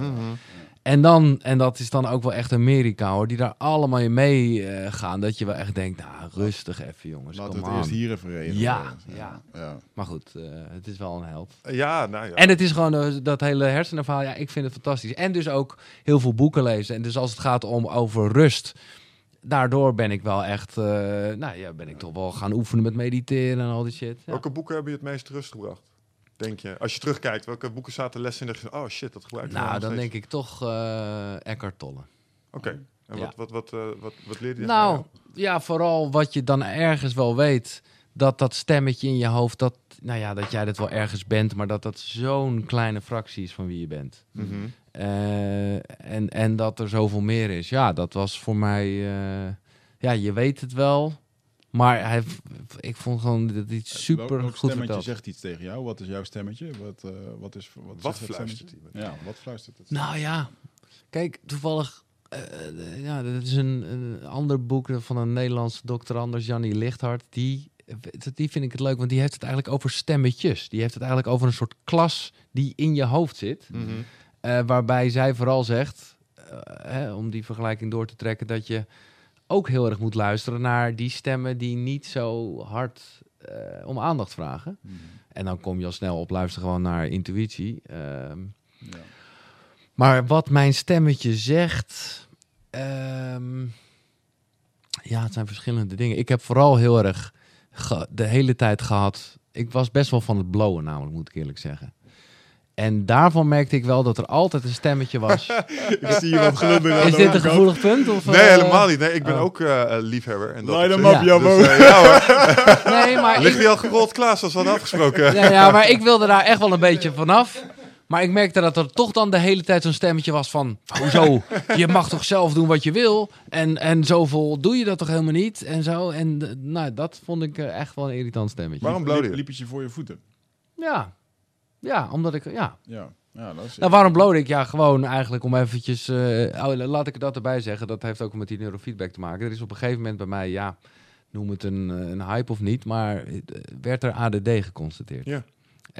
En nou, blijkbaar heb ik het jarenlang dus wel op die manier als een soort medicijn gebruikt om een storm eventjes te laten liggen. Ja, zeer herkenbaar. En toen heb ik op een gegeven moment medicijnen gekregen. Ik ben nu, ja, voor mij is het echt een ding. Wat vandaag is het vandaag? Ja, dat is voor de opname totaal niet interessant. Oké. Nou, ik ben nu al bijna twee weken dat ik. Want ik dacht toch, die medicijnen, dat kan toch. Dit is toch niet goed gewoon. Dus ik ben gewoon, bam, wat helemaal niet moet of mag. Cold turkey gestopt Wat ermee. Eh dexamfetamine. Ja, Dat is op zich, in vergelijking met de Ritalins van deze wereld, echt Ja. nog wel goede shit hoor. Maar het is toch onnatuurlijk, want er is toch iets veranderd in je hoofd. eh, en ja, het fokt met je bio- biochemie. En, en natuurlijk doet cannabis dat ook wel, maar dat doet het toch net weer even jij zegt dat is minder, ja. Nou ja, als ik mag, eh, ik, ik had ook een keuze. Ik kan of eh, eh, als een ongeleid projectiel eh, door het leven blijven gaan, wat me zo af en toe echt wel eens voor de voeten heeft gelopen. Ja, En ik heb mezelf ook altijd een beetje eh, ja, goh, binnen de banen weten te houden door, met behulp van cannabis. Het maakt Ja. me rustig. ja. Eh, en dat kan, geeft me een focus waardoor ik daadwerkelijk dingen gedaan krijg. En het alternatief was inderdaad eh, iets van Ritalin of iets Ja, dergelijks. En ik heb altijd gezegd, nou, Nee. ik weet het niet. Want ik vind dat spul in dezelfde categorie vallen als antidepressiva. Ehm, het, het fokt met, je, met, je, met de biochemie in je hersenen. Ja, Eh, en het lost misschien voor nu het probleem wel eventjes op. Maar het langdurige gebruik is problematisch volgens mij. nou ja, precies. En waarbij ik bij antidepressiva nog wel denk van, nou, dat snap ik. Hè, dat is als een, als een eh, paracetamol, ben je eh, gewoon even verdoofd. En dan ben je daarna wat rustiger geworden in je hoofd en dan moet je er ook mee stoppen. Nee, in dit geval een Als je het maar gebruikt om de pijn eh, Ja, te, te managen, maar- zodat je het verder kunt Maar werken aan ADD of oplossing. ADHD-medicijnen zijn gewoon... Ja, dat zegt zo'n zo'n zo'n psychiater zegt ook gewoon van... Ja, eh, mensen met suikerziekte, eh, die doen het ook gewoon de hele tijd. Nou ja. En ik had toevallig met mijn moeder een onwijze discussie hierover... die ook gewoon zoiets had van... Ja, jongen, blijf dat toch gewoon gebruiken. En die begon over cholesterolpillen. Dat zij dat eigenlijk ook niet wilde. Hè. Dus, dus ging ze vis eten. Nou, hielp allemaal niet. En toen is ze toch die pillen gaan gebruiken. Nou ja, wat prima is voor haar, moet ze ook vooral doen, want de cholesterol is erdoor verlaagd. Maar dan zit ik weer een filmpje te kijken. Ja, ik wil mijn moeder niet te veel meer lastigvallen. Ik heb het linkje er wel gestuurd. Maar dan zie je weer, als je gewoon mediteert, dan pas je gewoon, dan kan je gewoon je cholesterol verlagen met mediteren. Dus ja. leefwijze, man. Gewoon sporten. En dat heb ik dus ook met, ik bedoel, ik weet niet hoeveel je bloot. Ik blode ook helemaal niet zoveel. Ik ben op een gegeven moment, ben ik nog zelf naar de Jellinek gegaan. Zeg ik, ja, ik wil stoppen met blowen. Toen zeiden ze, ja, hoeveel blow je dan? Ik zeg, nou, niet, zo- ik bedoel, ik kan niet eens draaien. Ik haal een voorgedraaide en eh, ik neem een paar haaltjes, is het goed. Ja, en ik merkte aan haar dat zij zoiets had van, ja, ja, dan ben je Volgens niet- mij heb jij geen probleem gevallen. Nee, jongen. maar ik dacht, ja, maar dat vind ik zelf, ja.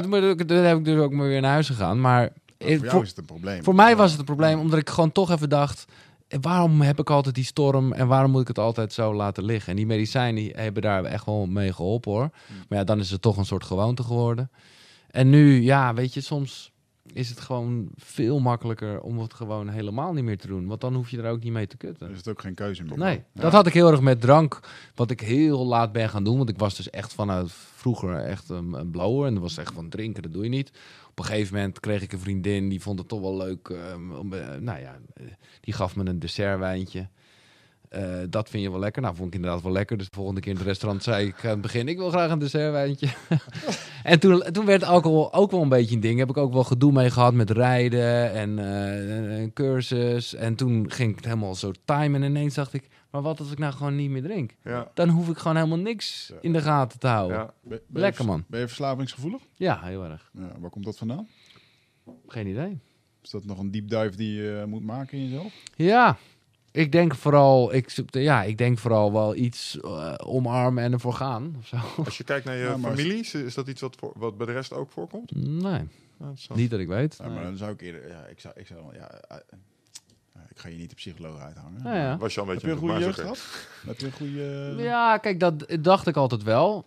Eh, en ik heb ook wel een goede jeugd gehad. Ik ben er wel achter gekomen dat ik niet zo eh, warm eh, ben opgevoed. Ja. Ik ben nu bezig. eh, wij- ik vind het zo lekker dat we hier gewoon lekker op niveau kunnen lullen. Als het gaat om boeken die indruk hebben gemaakt, zit ik nu in een soort proces. ik, ik, nou ja, ik maak het gewoon af, want het is tien weken en ik be- begin aan de. Ja, ik, over twee weken ben ik mee klaar. Michael Brown, The Essence Process. En het is tamelijk. eh, nou, het heeft, heel, het heeft heel veel raakvlakken met bijvoorbeeld eh, Wim Hof-achtige dingen. Waardoor ik nu elke dag een kwartier 's ochtends en een kwartier 's avonds in- en uitadem door mijn neus. Ja. En in de laatste weken moet je dan ook nog een. eh, eh, en dat, eh, ik weet niet of jullie dat ooit gedaan hebben. Ik wist helemaal niet dat het zo'n ding was. Moet je ook nog eerst in een warm bad gaan. Hmm. En ik dacht, ja, wat is het probleem? Een kwartier in bad zitten is toch niet zo'n ding? Maar je, je wordt even gek. Want je denkt, ik wil eruit, ik wil eruit. Maar je weet, nou, ik moet een kwartier blijven zitten. Ja, ligt aan hoe warm dat bad is ook. Nou ja, je Moet, nee, maar dat valt best wel mee. Nee, het is gewoon een normaal, redelijk, gewoon een normaal Ja. bad. Maar je blijft daar normaal gesproken nooit een kwartier in zitten. Omdat toch iets in je hersenen gaat zeggen, oh nee, dit gaat niet goed. Ah. Terwijl, dat, gaat, dat is helemaal niks. Maar dat zijn allemaal... En dat is een beetje zijn hele... eh, daarom moet ik gelijk aan denken, omdat jij over de jeugd begint. Omdat hij gewoon heel erg zegt... eh, de, tot je zevende levensjaar... eh, ja, zijn er gewoon allemaal dingen gebeurd. En ja, die moeten, die moeten eruit. Ja, je bent gewoon eh, een downloadende computer geweest. Ja, ja, je hebt continu in een soort hypnose gestaan in die, in die periode. En het gaaf is met ademhaling dat je dingen die vastzitten in je lichaam, want het nestelt zich ook in je lichaam. Er is een heel mooi boek geschreven van Peter Levine, heet geloof ik In het oog van de tijger. oké. En ehm, dat gaat erover dat je, eh, dat je trauma opslaat in je lichaam. En dat heeft ook een functie. Onder andere dat eh, op het moment als het trauma door je lichaam heen gaat, dat er heel veel mensen op de eerste hulp binnenkomen die helemaal trillend en shakend komen. En wat doen ze dan? Ja, we willen je behandelen, dus spuiten je plat. Alleen dat trillen en shaken, dat is een soort uh, Ja, wat herten doen hoor. Hertjes doen Ja. het ook. Hè? Die, schudden letterlijk even langs vanaf, klaar. dat wordt ook heel veel Nee, ja, precies. gehaald. En dat is gewoon een soort van, eh, het moet eruit systeem. En wat doen wij? Ja, we houden het dus binnen. Precies. En, ehm, en dan loop je daar vervolgens 30 jaar mee rond. En dan komt het weer in één keer omhoog. Maar juist door dat ademhalen. Ik heb wel eens Wim Hof eh, gedaan in de tijd van mijn burn-out. Dat ik dat echt een uur deed. Mhm. En dat ik niet wist waar het vandaan kwam. Maar dat ik echt gewoon een half uur lang aan één stuk heb zitten janken. Ja, eh, toch iets van energie wat in één keer gaat stromen of loskomt. Of, Ah, eh, release. En we hebben het hier natuurlijk met Steve Maxwell over gehad destijds. Die had het over een eh, behandelmethodiek spieren losmaken, rolfing. Omdat als, als die routine waar jij het over had, zeg maar, dat trillen halverwege wordt afgekapt, of omdat je wordt platgespoten of wat dan ook, ja, ja. slaat schop in je spieren. Hè, dat, dat, dat, die energie die moet ergens naartoe. En als je laat rolfen, wat eigenlijk een soort deep tissue massages, kunnen Ja, ja, mensen ja. ook daadwerkelijk heel emotioneel worden en ineens eh, ehm, ja, moeten huilen. Ik heb het ook wel eens meegemaakt. Ik ben een tijdje personal trainer geweest, training gedaan. Myelogenics is ook dat, deep tissue verklevingen oplossen. Soms mensen emotioneel werden ineens van, ik weet niet wat ik heb, maar ik loop precies. helemaal vol. Ja, ja, ja. En dat is niet omdat het zozeer doet. Nee. Dus dat is interessant. Ja. Over dat ademhalen. Vorige week hebben wij hier een meneer gehad, Patrick McCown, als we het eh, mooi op zijn Iers doen. En dat ging helemaal over neusademhaling. Die heeft allemaal testjes met ons gedaan. En wat hij ons vertelde over neusademhalen, nou, ik weet niet hoe het met jou is gegaan sindsdien. Ik probeerde ja, echt op te letten. ik merkte dat ik best wel veel door mijn mond adem. Ja, ik ook. Ja. En waardoor je dus sneller... eh, je zit automatisch in een soort van eh, alarmfase. Ja. En eh, eh, dat ik best wel vaak, eh, ja, ook met slapen, zo word ik wakker met mijn droge tong. En denk ik, ah, ja, dat was niet goed. Niet, niet te doen. En vaak, ik, werk, ik woon, ik woon ook op een soort boerderij, dus het is best wel stoffig op daar. dus, eh, op een Maar hij zegt het is goed, eh, want eh, ik- Zeer goed. Oh, wat fijn. Oh, dat vind Een, ik fijn een om te horen. roofdier er altijd door zijn neus heen. Omdat ik het door dat dagelijks kwartier merk dat ik het nu gewoon veel eh, vaker doe. Maar dan denk ik, ja, als ik eh, nou bijvoorbeeld, eh, hè, dan zit ik weer eh, de Michael Pilatschik meditatie, daar val ik altijd mee in slaap. Mhm. En die zegt altijd, eh, in door je neus, uit door je mond. Denk ik, oh ja, kut, uit door mijn mond, Ja, uit door mijn wat mond. Vind ik Michael, wat Michael doet veel met die eh, dame uit, eh, uit India. Volgens mij gaat hij nu zijn boek, eh, haar boek. ehm, oh ja, vertalen. daar iets mee en, eh, en India ze heeft natuurlijk ook 101 manieren over in- en uitademen. Linker neus gaat rechter Ja, neus ah, ja, gaat. ja. Dus, dus er zijn allerlei manieren om dat te doen. Alleen eh, de- het idee van deze meneer was dat eh, het grote aantal bloedvaten, wat natuurlijk je zuurstof opneemt, dat zit onder in je longen. En onder in je longen kom je alleen maar als je door je neus heen ademt. En als je door je mond heen ademt, dan blijft het in de bovenkant, in je borst. dus ik kan gewoon de hele dag op mijn neus halen. Ja. Lekker. Sterker nog, hij adviseert mensen, als je dit echt wilt doen, om s'nachts je mond af te tapen. Mhm. Gewoon een stukje tape over zo. Zodat je door je neus blijft eh, ademen. Ehm, en dat heeft, eh, wat, wat het onder de motorkap doet, het heeft alles te maken met CO2, dat wel of niet in je, in je Ja. bloed zit. Als je door je mond uitademt, Ehm, we denken altijd dat diepe adem is veel zuurstof. Maar on de exhale gaat er heel veel CO2 uit. Ja. Maar je moet juist veel CO2 in je bloed hebben, omdat je hersenen dan een signaal krijgen. Ehm, je moet ook zuurstof uit het bloed halen. Ja, ja, ja. Eh, en hij had hier een maskertje, dat, dat is Ah, daar. ja. Ah, zodat je je CO2-resistentie eigenlijk Vet. verhoogt. Ja, dus eh, neusadem is helemaal ding eh, dan. wat betreft die Top. Ja. Helemaal de shit inderdaad. Ja. En dat warm bad, dat herken ik ook wel. Want ehm, ik ga regelmatig naar de sauna.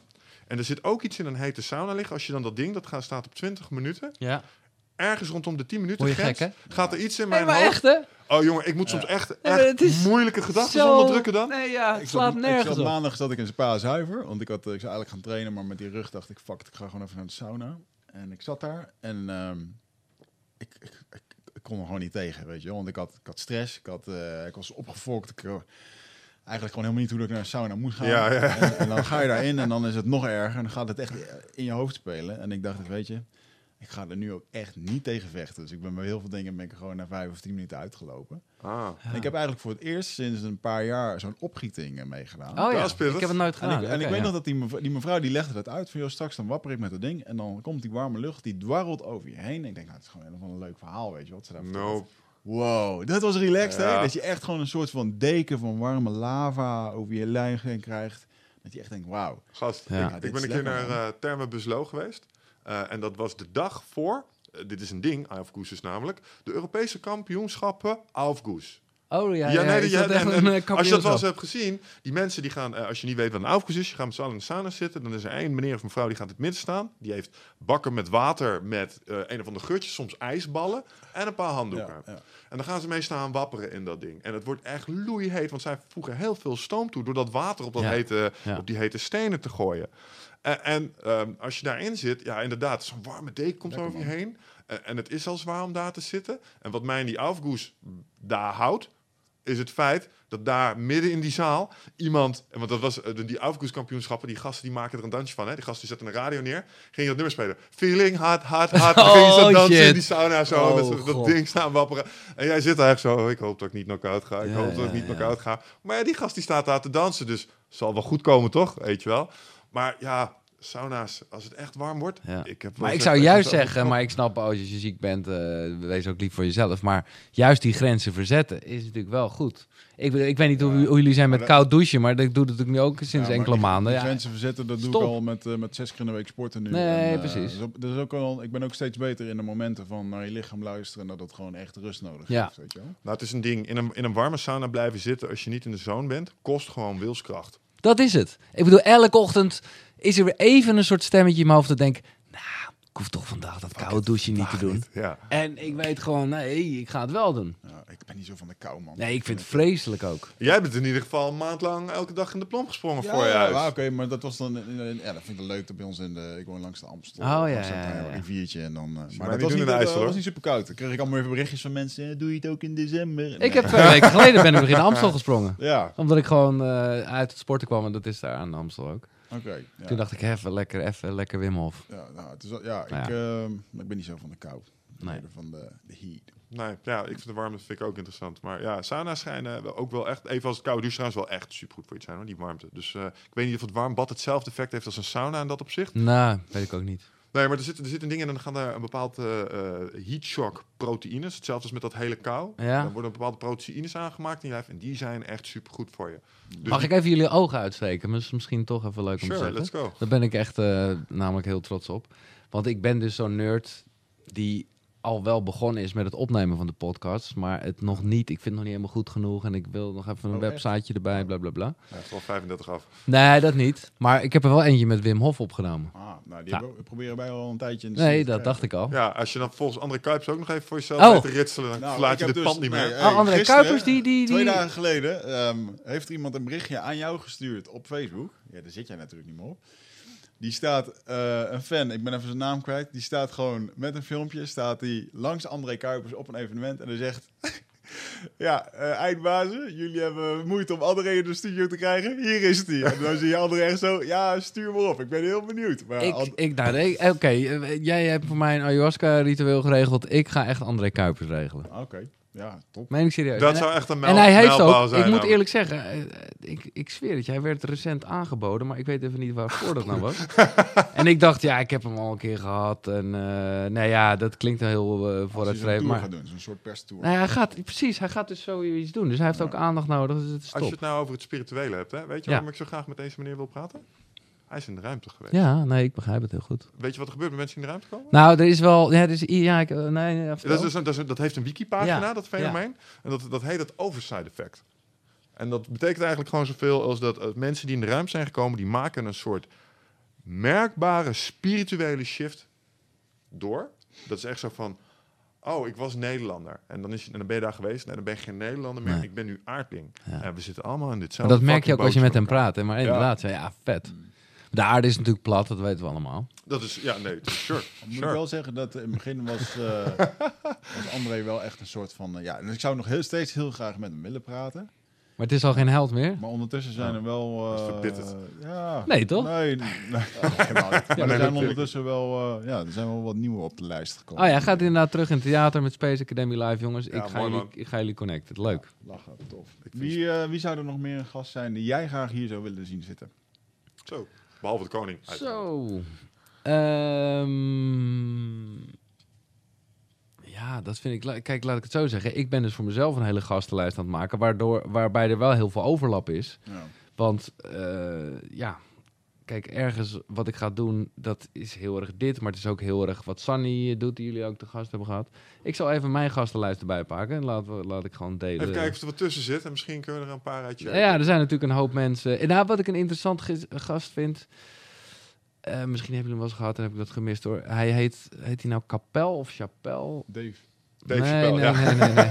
Die willen wij ook wel. nee, het is een beetje een, het is echt wel een beetje een dokter. Dus het is niet de meest flitsende gast. Mhm. Maar hij heeft wel heel veel boeken geschreven over, nee, het is een Nederlands gast gewoon, over hoe je DNA echt kan veranderen met meditatie.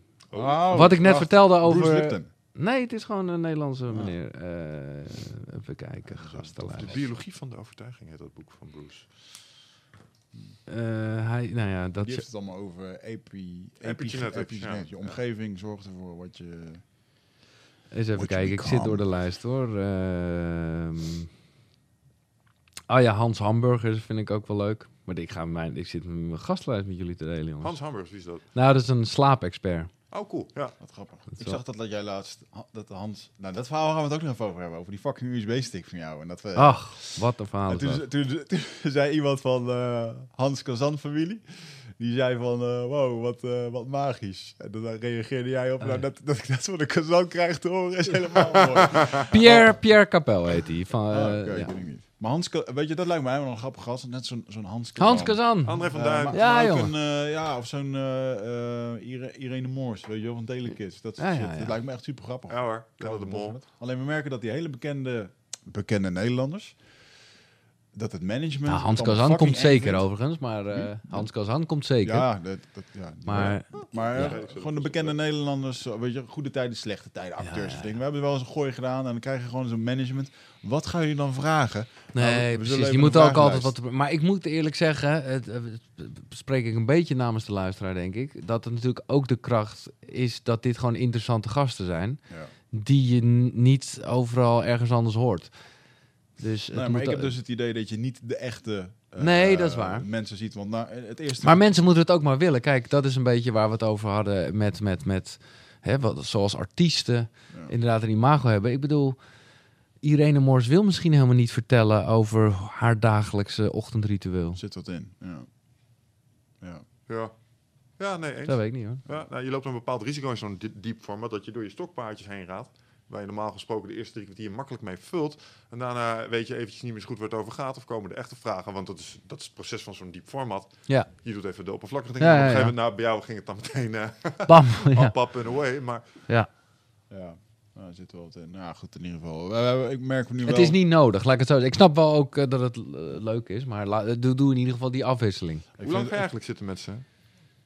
Eh, nou ja, Kort dus. Nou, nee, uit, nee, ik ga dus korte stukjes uithalen en ook uitserveren. Ah. Eh, maar in principe heb ik nu een paar opgenomen, die zijn dan 90 minuten. En want ik had een uur voorgenomen met uitloop, dus het wordt dan Ja, 90 dat is nou, zo'n mooi format ook. Het is Ja, wel, eh, ja. Ja, wat is je doel ermee?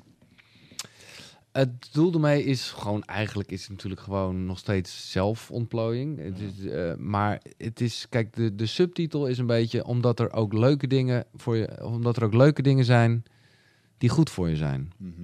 Ja. Omdat eh, ja, ik daar gewoon wel achter ben gekomen. En natuurlijk kan je feesten en, en dingen gebruiken en weet ik veel wat. Maar ja, je weet gewoon, en eigenlijk weet iedereen dat wel, het is zo korte termijn. Hoe vet is het als je, nou ja, eh, het hebt over leuke dingen die gewoon ook echt dus goed voor je zijn. Dat is eigenlijk mijn doel. eh, om gewoon die kennis te delen en meer te vergaren.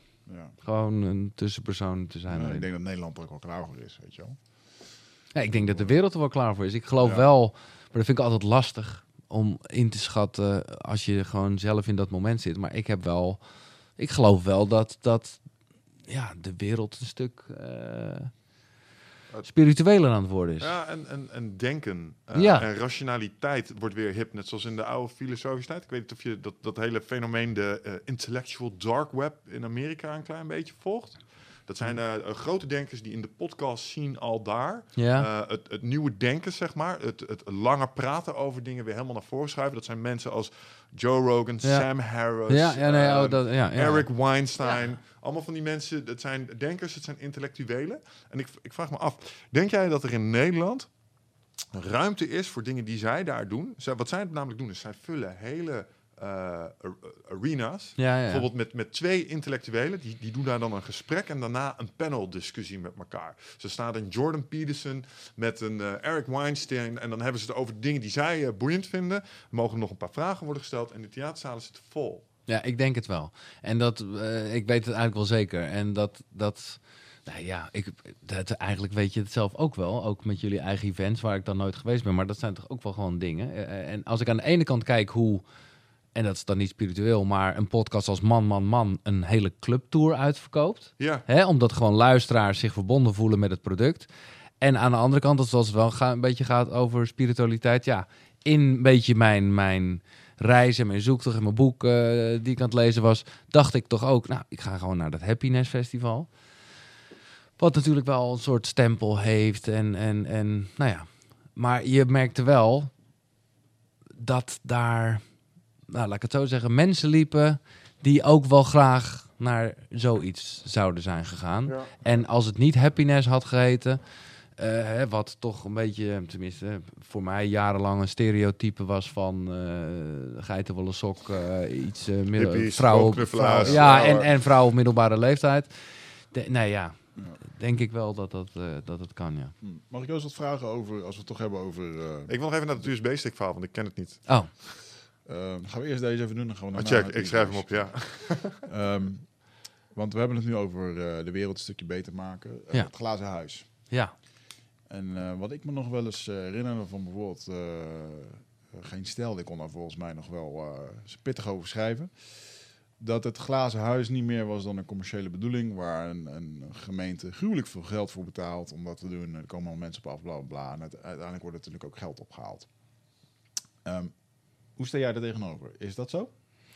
Nee, dat is niet zo. Maar dat is natuurlijk het mooie. Ze hebben wel een punt. Alleen dat, dat werd het op een gegeven moment. Kijk, als het, als het zo begonnen was, dan was het echt foute shit. weet je wel? Kijk, op het moment dat iets gewoon een heel event wordt en het dus geld oplevert, even los van het voor het Rode Kruis, maar voor een gemeente, maar er moeten ook dranghekken komen, ja, dan wordt het ineens een soort business. En ik heb dat ook altijd smerig gevonden. Ik bedoel, ik was degene die na de eerste keer zei: jongens, dit moeten we nooit meer doen. Want dit was gewoon. d- dit kan alleen maar slecht worden. Dit was zo magisch mooi. Ja. Nou, daar had ik vet ongelijk Als het, in. gaat om, als het gaat om verbinding met luisteraars, Ja. is dat super dik. Kleine dit is kinderen het, die het tekeningen radio. Het is echt, Ja. eh, en, en, en ook wel meer dan dat. Dus nee, natuurlijk is dat het niet. Maar ja, je moet er wel voor uitkijken dat het dat in ieder geval niet wordt. En er zullen altijd... Ik bedoel, ik had daar ook wel eens... Als ik dan even met mijn duimpje omhoog met die check stond van een of ander bedrijf... dat ik dacht, ja, voor wie doe jij dit eigenlijk, maestro? Ja.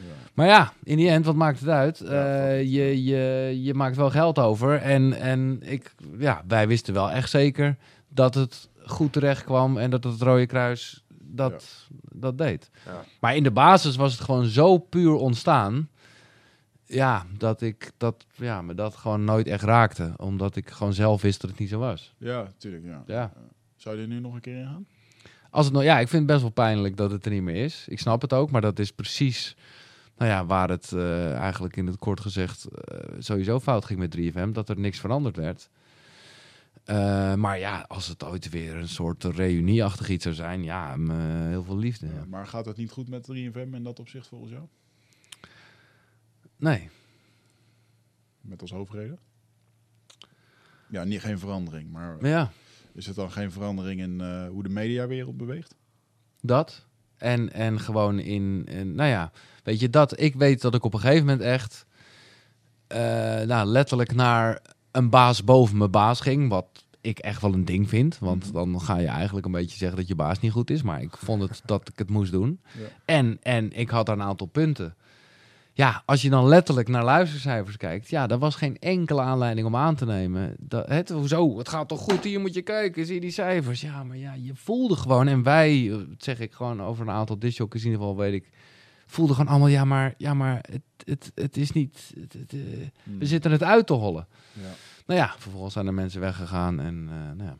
Ja. Grappig is dat. Het is gewoon klassiek eigenlijk, hè? Echt Ja. classic, ja. Ja. En, en echt ook zonde. En, en ja, kijk wat ik zeg. Het is gewoon in mediatijd is het zo'n gave tijd dat ja, het echt jammer is dat het nu eigenlijk heeft de radio, zou je kunnen zeggen, al afscheid genomen van de jongeren. Dat had, had echt niet hoeven gebeuren. Maar ja, het is nu gebeurd, prima. Ja, Oké, dan gaan we door naar je USB-stick verhaal. Ja, dit is een beetje wat RTL? Boulevard. Dit, is, dit is dus precies wat ik eigenlijk wil voorkomen in deze podcast als je Irene Moors gaat uitnodigen. Maar ik zal het heel kort vertellen. Ja. Want het is wel een fucking gaaf verhaal. Maar dit Ja, oké, is check. is Ja, kijk, ik, eh, ik, ik heb een andere podcast eh, gelanceerd. Die over die had, heb ik al wel gelanceerd in het Engels over de eh, house muziek in Nederland. Dus met die DJ's, ja, super vet. Eh, en er is een avond waarop dat gelanceerd wordt. Eh, tijdens het Amsterdam Dance Event. Best wel laat geworden. Ik met mijn beste vriend met wie ik die podcast eh, doe. We gaan even eh, toch nog even wat eten. Want dat hadden we in de Rush helemaal niet gedaan. Oké, broodje falafel, prima. Oké, auto neerzetten. Nou lang verhaal kort. Er is ingebroken in mijn auto. Ja, Fucking twee laptops weg. Een camera. nou, iPad. mijn mooie oortjes. Nou, ja, gestolen, Ellende, kut. Nou, ja, ik dacht wel, laat ik dat, want ik heb best wel veel mensen die zoiets hebben van, ja, eh, notabene Patrick Kikker, die zei, ja, dit is helemaal niet gebeurd. Hij heeft het alleen maar gedaan om eh, die podcast eh, in de aandacht te zetten. Oh, Nou, zo, ik, ja. ik vond het echt ziek, maar er er is in zoverre iets van waar, dat ik wel min of meer met tranen in mijn ogen naar huis reed en wel dacht van, nou, ik ga het wel twitteren. Want het wordt wel nieuws, dus ik ga wel twitteren van... nou, wat denk je? Heb ik de lancering van Can You Feel It, de podcast... en blablabla, bla, gebeurt dit? Ja, dat wordt dan wel opgepikt. Maar ik denk, laat ik op zijn minst nog iets positiefs uithalen. Nou ja, een dag later krijg ik een berichtje op mijn Instagram... van een gast die zegt... hey, ja, eh, wij in de pauze doen wij altijd aan magneetvissen... en wij kwamen een soort kogel tegen... En dat blijkt een USB-stick te zijn. En we hebben hem eh, toch in de computer gestopt. En hij is van jou. Ja, ik wist natuurlijk precies waarover het ging Ja, een te dure USB-stick die ik ooit had gekocht, waarvan ik nog dacht, waterdicht, hoezo, maakt het uit, maar ik vind het wel een gaaf ding. Dat had een reden, man. nou, dat had zo moeten zijn. Dus vervolgens, oké, eh, ik zeg, nou, ik kom hem morgenochtend wel even ophalen, voordat jullie aan de slag moeten. Was dat ver weg dan? Of? Dat was in Amsterdam. Of ja, het was wel eh, van de locatie waar mijn auto Ja. gestolen was, ja, wel een kilometertje of zo. Ja. Maar goed, ik ben daar om die USB-stick op te halen. En dat heeft ook wel met mijn ADD te maken. Ik ben altijd alles kwijt. Dus ik heb aan me, eh, zoals bij mijn zonnebril, in mijn portemonnee, bij mijn sleutels en ook dus in mijn laptops heb ik zo'n taalding. Die kan je dan oproepen met Ja, je ja, telefoon. ja. En ik denk, nou toch even kijken. ja, of die- is- ja magneetvissen, maar ja, is, eh, eh, Ja, dus, nee, nee, nee, nee. Maar eh, er is die misschien die hele tas ergens Oh, hier in plaats van... ja. de- en ik zie gewoon, ja hoor, ongelooflijk. Hij moet hier ergens zijn. Alleen zag ik dan een bolletje midden in het water. Dus eh, ik zei, nee jongens, we moeten verder dreggen. Eh, dus ik ging op een soort, eh, hoe noem je dat, bruggetje staan. ja. Ik zeg, nou, ik denk dat jullie ergens moeten zijn. Dus die gozer, die komt dat bruggetje opgelopen. En die zegt ineens, hey, ik hoor een geluid. Die loopt namelijk voorbij een eh, ondergrondse afvalbak. En hoort daar een geluid uitkomen. Handige Harry's, die kraken zo dat ding open. En nou, ja, met, eh, met, met die haak tillen ze zo mijn laptoptas uit die The fuck? Eh, ja, niet, ik bedoel, alle apparatuur was eruit voor de Ja. goede orde. Maar het was nog steeds wel mijn laptoptas en mijn papiertjes en mijn snoertjes en mijn dingen waar ze niks aan hadden. Ze hebben zelfs gewoon echt de, de, de omhulsing van mijn laptop. Dat vonden ze al niet goed genoeg. Ze wilden echt alleen de laptop hebben. Dus dat was een fucking mooi verhaal. Dat ik dan toch nog iets terug had. Niet mijn eh, SD-kaartje met de opnames en zo overigens. En maar- even om de, de catastrofe vo- volledig te overzien. Als Ja. deze USB-stick eh, wel verloren was gegaan, hoeveel afleveringen was je kwijt? Nee, helemaal niks. Oh. Want het geluid had ik nog. En op die USB-stick, die heb ik helemaal niet ervoor gebruikt. Dat, daar stonden gewoon liedjes op. Maar wel in een mapje Giel. Dat was dus de, voor hen de, de link. Eh, er is gewoon één... Vooral is er één camerabron kwijt van de meerdere bronnen. Mhm. Dus, dus de, de hele podcast geen enkel Oké, gevaar. dat is op zich overzichtelijk. Ja. Maar, Maar het is gewoon wel... Je, en je komt er nu achter. Ik bedoel, ik heb best wel veel dingen in de cloud. Maar dat je denkt, oh ja, oh nee, dat stond op die laptop. Ja. Ja, Nou ja. ja, ja, ja. lang leven Dropbox. Nou, het was wel, ik vind het wel... ehm, Het was wel Het echt was een mooi... Het was een avontuur. En Ja. het was ook met die gasten. En ik heb... lachen. Ik had hem van de week nog eh, aan de lijn, want hij belde me echt. Want ik had al nog een eh, fles whisky laten bezorgen. Nou, eh, nou het, was, het was echt een mooi avontuur. Ja, mooi man. Ja. Dat is wel echt goud. Dan heb je wel echt ook verbinding met je Ja, ja, En, ja, eh, zeker. ja. Dan zit er nog goed in de mens. Ja. je wel, als je dat Nou ja, dat is wel precies wat ik inderdaad dan ook bedoel. Dat was het. Maar ik denk ook wel bij die gasten. Want blijkbaar wist ik ook helemaal niet. Kunnen zij gewoon zien of er laptops in de auto zitten? Hebben ze gewoon een soort zendertje voor? Oh, Ja, want, want één van die laptops die lag echt onder allerlei andere shit en zo. Daar hebben ze helemaal moeite voor moeten doen. maar ik dacht wel, wat denkt zo'n gast op zo'n avond? Eh, met, met zijn vrienden, of met, met, met, met de bende. Nou, dat was een goede avond. Lekker. Tien laptops of zo. ja, zo denken ze. Ja, Ja, maar, maar echt. je, je, je hebt toch ook... Ja, Maar dat is hun werk. ja, dat is hun werk, dat snap ik ook wel. Maar nee, ik snap het niet. Ja, je, nou, ik denk dat, dat het probleem is dat je het persoonlijk neemt. Nee, ja, nee, ja, maar ik... Kijk, als een, als, een, als een zwerver een brood steelt, dan snap ik het gewoon heel erg. En dan is het ook allemaal niet goed, dat mag officieel niet, maar je snapt hem gewoon. In dit geval denk ik, ja, vanuit een soort karma-gedachte of hoe kan je het voor jezelf regelen? Die- Er is toch altijd het moment dat je jezelf in de spiegel aankijkt. En dan dit- weet je toch wat je aan het doen bent. Als dit zo'n Roemeense bende is die... eh, maar die hebben toch ook een ziel? Niks, eh, niks verdienen. En, eh, ja, maar... Ja, nee, maar die is kapot gemaakt door omstandigheden. Ja. Of Die hebben, die ah, hebben dingen gezien. Die is bedekt. Die is bedekt. Die is bedekt, hè? Nee, Absoluut. precies. Ik En ben er nog denk, steeds eh, wel... eh, Je hebt nog hoop. Nou ja, dat moet je toch wel hebben. Ik kan me niet voorstellen dat als je weer eh, een keer opgepakt wordt, eh, geboeid wordt. Er is ook een zo'n gast op YouTube die pakt mensen op. Ja, eh, ja, ja, die zakkenroller. Ja, ja, fantastisch. fantastisch. En hoe dat- doet hij? Ja, die spot gewoon zakkenrollers. Dan gaat, Oh, hij, ja, ook, gaat ja, hij ook ja. filmen Dan dan. heeft hij zelfs een vlogje voor en die kent al die gasten. Ik denk, denk dat hij meer mensen uiteindelijk de bak in stuurt dan de politie zelf. En eh, hij vindt dat leuk, tof om te doen. Wat, hij, wat wij met podcasts doen, doet hij met eh, Ja. dat. Fantastisch. Klinkt potentieel als gevaarlijk werk. Ja, maar, als, die- maar dan word je toch geboeid. eh, mensen kijken naar je. Ik kan niet voorstellen dat je niks doet, weet je wel. Het is wel Nee. gewoon, maar goed, uiteindelijk zorgt het er ook voor dat je nog dieper in het dal komt van ik ben niks waard. En, Ja, ja, ja, dat is natuurlijk... eh, tegen waardoor ik helemaal Ja. niet echt voor gevangenis eh, ben en zo. Want dat, je wordt er echt niet beter van, nee. Nee, nee, ik ook Hmm. inderdaad niet. Ja. Ja, ik weet het niet. Eh, ik denk dat er een hele lichting mensen is die het ook... Je had het er straks even over de rap scene. Ja, Als je inhoudelijk luistert naar waar die mensen het over hebben... Zelf natuurlijk mezelf ook een rapfan. Ik ken de Nederlandse rap scene ook wel een beetje. Half Murder Turk. ja Waar hebben die jongens over? Die Ja. verheerlijken deze wereld. En de mensen die daarnaar luisteren... Ehm, kijk, ik consumeer het zoals ik een actiefilm consumeer. Ja. Eh, maar er zijn ook mensen die nemen het voor waar aan. Ja, En dat doet wel iets. ik vind dat ook een ding. Ik eh, kan niet ontkennen dat ik eh, ook, eh, wat ik al zeg, in, in, in alles wat ik daarover lees en hoor, denk ik ook echt wel van, ja, dat is toch een... je, bedoel, je hersenen maken er toch mee. Zeker, oh, maar dat is ook met die actiefilm zo. Ja.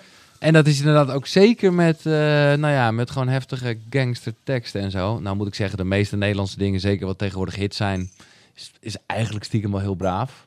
Jawel. Maar, het, de- is toch, eh, het is toch een soort indoctrinatie. Nee, geef me nog geen. Nu moet ik, nu moet ik echt plassen. Gewoon omdat je dat water in hebt. En ik zit het al best lang in te houden. Wil je plassen? Maar kunnen jullie 30 seconden gewoon Wij- over mij hebben en roddelen? dat doe je ding. man. Ja, Ik, probeer, ik Ja. werk hier echt aan. Nee, man. Maar, Maar, ga, snel, ga snel. No worries. Ga snel, man. Wat een balleninterview, hè? Laat hij nog de deur open ook. Mooi. Ja, man. Hey, wat hoe gaan we dat fixen met die camera straks? We moeten die uh, Nou, ik denk dat wij moeten kijken in die camera. Volgens mij zit er gewoon een soort van Ja, stand-by kan niet modus in. En dan... Nee, het is nu in een ritme. Jij gaat eerst en dan gaat Giel. En maar even tien minuutjes later. Dus het heeft ook niet te maken met of dat ik beweeg voor de camera Nee. of niet. Nee. Ik had het ook laatst één keer, dat, want dat had ik in het begin niet, dat ik opeens had ik één camera die, Ja, eh, die ik aan het filmen was. ja. En dat die toen uitviel, denk ik. Mensen, ik ga ook eh, Jabbo even laten zien. Want Jabbo die zit hier gewoon alle shit te regelen voor ons. En ehm, Jabbo die ehm, was gewoon degene die dit gaat fixen. No pressure, man. No pressure, man. maar ehm, ja, Ah, joh. Zo zie je maar weer, als dingen niet eh, bij je eerste pilot tenminste één keer misgaan, dan eh het hoort er gewoon bij. ja, Shit. maar ja, goed. Volgende keer dan gaat het goed. Ik ben benieuwd wanneer, nou, als we straks dan eh, nog eventjes de audio backup en, en dan... Maar met die kaartjes opnemen tegelijkertijd kan dus ook niet. Dus als, we hebben nog steeds de kans als het nu fout gaat met het beeld, dan gaat het gewoon fout. Glorieus vanuit. Maar we hebben de audio nog. Maar ehm, en, ehm, die gordijn is wel een goed idee, want we hebben nu wel een consistent beeld. Ja. Dus Gordijnen. Ik heb vandaag- Dit, sorry, dit mag je geen. Ik gordijnen ik la- Vuilniszak op de muur. Ik laat het even zien, jongens. Het lijkt hier net een afgeplakt wiethok. eh. ik heb even vanochtend eh, de vuilniszakken erop eh, geplakt. Je praat er wel twee jaar over om om- dit te Ja, echt super irritant. Omdat mijn ka- ik werd altijd helemaal geel van het licht en zo. Sorry, het zat net op de verkeerde camera toen jij dat liet zien. Dus Ah, echt? Zie je? Dus we hebben vuilniszakken op de ramen nu en zo. en, en de Boeddha, inderdaad. Goed. Ik hoor voetstappen. Dus hij, Maar hij komt eh, het goed. Hij komt er wel weer. Maar, ehm Giel, Ja, een leuke vraag voor jou. oké. Of een, een vraag die ik ehm, aan meneer Jan Terlouw eh stelde. Toen we mooi in zijn thuis. Dat vond ik- Als je het hebt over een van de leukste podcasts, bij Jan Terlouw thuis. Het was echt eh die top. was fenomenaal, ja. Bijzondere man. Ja. En ehm, toen vroeg ik hem op het einde... ehm, Giel, als je s'avonds naar de sterren kijkt, wat denk je dan? Wat gaat er dan in jouw hoofd af? Even los van het feit dat ik dat echt niet doe, maar ik... ik, Nou, maar ik- stel je voor, ja, ja, ja. Ja. Nou, ik vind het, ja, nou ja ik, dat is precies zoals we echt ook helemaal begonnen. Ik geloof gewoon echt wel in een universele intelligentie die, eh, ja, wat de reden is dat wij hier allemaal zijn en wat we allemaal doen. En dat, is, en dat vind ik, als je echt zo naar sterren kijkt, nou ja, het is niet een bevestiging, maar je, je, voelt, dat, ja, je voelt dat nog wel wat meer. ja. Hou je van de theorieën waar, eh, waar wij niet eh, de eerste op deze aarde zijn en waar geavanceerde eh, civilisaties eerder hier zijn geweest? En eh, ben je daar een beetje in thuis of niet? Nee, ik ben er niet zo in thuis. Hmm. Maar het klinkt me ook eh, zeer onaantrekkelijk. En net als dat ik dat hele, jullie de laatste ook eh, met Paul en waar ik ook zo in geloof, dat hele non-duale en zo. Maar Of misschien snap ik gewoon niet zo goed wat ze ermee bedoelen, maar dat, dat, dat geloof ik allemaal. Wat dat, denk je dat ze zeggen? Nou, ik denk dat ze zeggen dat het allemaal niet uitmaakt wat je doet, want het is toch allemaal al een soort voorbestemd. Ja, omdat, omdat wat zij geloven is, Ja. ehm, dat wat jij doet, heb je eigenlijk geen invloed op. Ja, Dus dat dat is de ik- hele discussie vind- over vrije maar- wil. Ja, maar dat vind ik dus echt, daar ben ik het zo niet mee eens. Ja, maar dat komt omdat het zo voelt alsof het niet zo is. Ja, nee, precies. Nee, je kan jezelf helemaal gek in maken. Nou ja, we hebben het hier best wel vaak over gehad. Het experimentje wat het voor mij echt akelig duidelijk maakte. En die heb ik hier wel eens vaker met gasten gedaan. Dus als mensen denken, dan gaat hij weer. maar dat is het volgende. Eh, noem een stad. Amsterdam? Waarom Amsterdam? You don't know. Nee, Nee. precies. Dat weet je niet. Nee. Misschien dat er even twee tellen dat je dacht Rotterdam. dacht je nee, kut Rotterdam. Want ik ben, eh, dus Amsterdam. Mm. En het hele idee is eh, van vrije wil is dat hoewel jij meer stadsnamen kent als alleen Amsterdam en Rotterdam, Ja. had jij geen controle over de optie die zojuist in je hoofd schoot toen je aan werd gevraagd welke stad. Ja, ja. En, en wa- wat dat antwoord naar boven schoof, daar zijn drie dingen voor. Een voorkeur, ervaring en wat je misschien als laatste hebt gezien eh, op de Ja, bordjes. Maar, maar daar zit het zeg maar een soort van het bewijs dat je eigenlijk niet zoveel keuze hebt over wat je hoofd jou geeft als optie. Dat wordt bepaald door een aantal dingen. En als je dat accepteert, kun je aanzienlijk meer vrede en rust hebben in waarom sommige mensen sommige dingen doen. Waarom jij misschien eh, soms gedrag vertoont. Ja, maar dan, zou ik toch, dan ga ik toch de hele dag blowen en geen reet meer doen. Ja, dat is dus het ding. Dat is misschien niet noodzakelijk waar. Nee. Als je er wat langer over nadenkt. nee. Maar dat is wat ze zeggen. En dat Ja. geloof je dus niet helemaal, begrijp ik. Nee, ik vind gewoon. En ik, snap, ik bedoel, ik zeg ook niet, niet dat je alles onder controle hebt. Nogmaals, anders zou ik ook niet zeggen dat ik geloof in een soort eh, universele intelligentie, hoe groot dat ook klinkt. En, en, maar ik geloof wel dat je zelf bij macht bent om dingen naar je hand te zetten en om te manifesteren. Hè, Dat- dat, eh, Maar dat is niet hetzelfde als vrije wil. Nee, oké. Want, want de, de reden dat jij beter in staat bent misschien om die dingen te doen, ehm, is misschien wel bij de gratie dat jij door toevalligheid bepaalde boeken hebt gelezen. Ik bedoel, dat boek, dat, Nee, dat boek van Eckhart Tolle, wat jij hebt ja, weten te nee, lezen, natuurlijk. dat, kwam, dat, dat heb jij, dat is jou gebeurd. Ja. Snap je? Eens. Nee, en, en dan, oké, nee. En nu heb je de opties bij die je eerst niet had. Ja. Maar dat je de opties kreeg, was niet helemaal Nee, vrijwillig. dat is waar. Dus ik, de toeval bestaat niet. Maar is de, een non-dualiteit is toch niet toeval bestaat niet? Want dat, Nee, het is gewoon alles. Het is een, eh, Alles het is. is een, universe, eh, een, een kausaal universum. Dus het een Ja. veroorzaakt het ander. Maar het heeft gewoon zo heel erg een soort... Maar misschien vertaal ik het gewoon weer. Een soort subtitel als... Het heeft allemaal geen zin. Ja, je hebt geen verantwoording. Ja. Nee, nee, want dat is wat. Ja. Je wat, hoeft wat geen de- verantwoording af te leggen. nee, want daar zitten die, eh die Ja. heel sterk op. Je moet het juist wel doen. Want Sam Harris is ook zo iemand die zegt: joh, vrije wil bestaat niet. Neurologisch, als je ernaar kijkt, zegt Dick Swaap precies hetzelfde. Zegt nee, het is allemaal chemisch bepaald, joh. Alles wat psychologisch is, is biologisch. Ehm, en, en daarmee, maar daarmee ben je niet vrijgepleit. Want laten we wel wezen, als we mensen hebben die gebouwen in de brand steken, dan kan hij daar misschien wel niet voor kiezen eh, als je deze theorie volgt. Maar het is nog steeds een verdomd goed idee om hem op te sluiten. Uh, dus dat, dat ontslaat hem er niet ja, van, snap je? Nee, oké. Ja, maar dat is ook wel waar. Ja. Waarom? Ik vind dat een van de mooie, vind ik een van de leukste dingen om het over te hebben en een een van de moeilijkste dingen om te begrijpen. Ik was vorige week in een eh, lezing in een ziekenhuis en daar vertelde ik dan in ehm, dat iemand altijd doet wat hem op dat moment het beste lijkt. Als dat betekent dat hij zegt: ik ga nu vreemd. Van alle opties die hij had, ook zijn angsten, de risico's die hij nam, op dat moment besloot hij met al zijn biochemie en zijn psychologie: ik ga nu deze keus maken. Ja.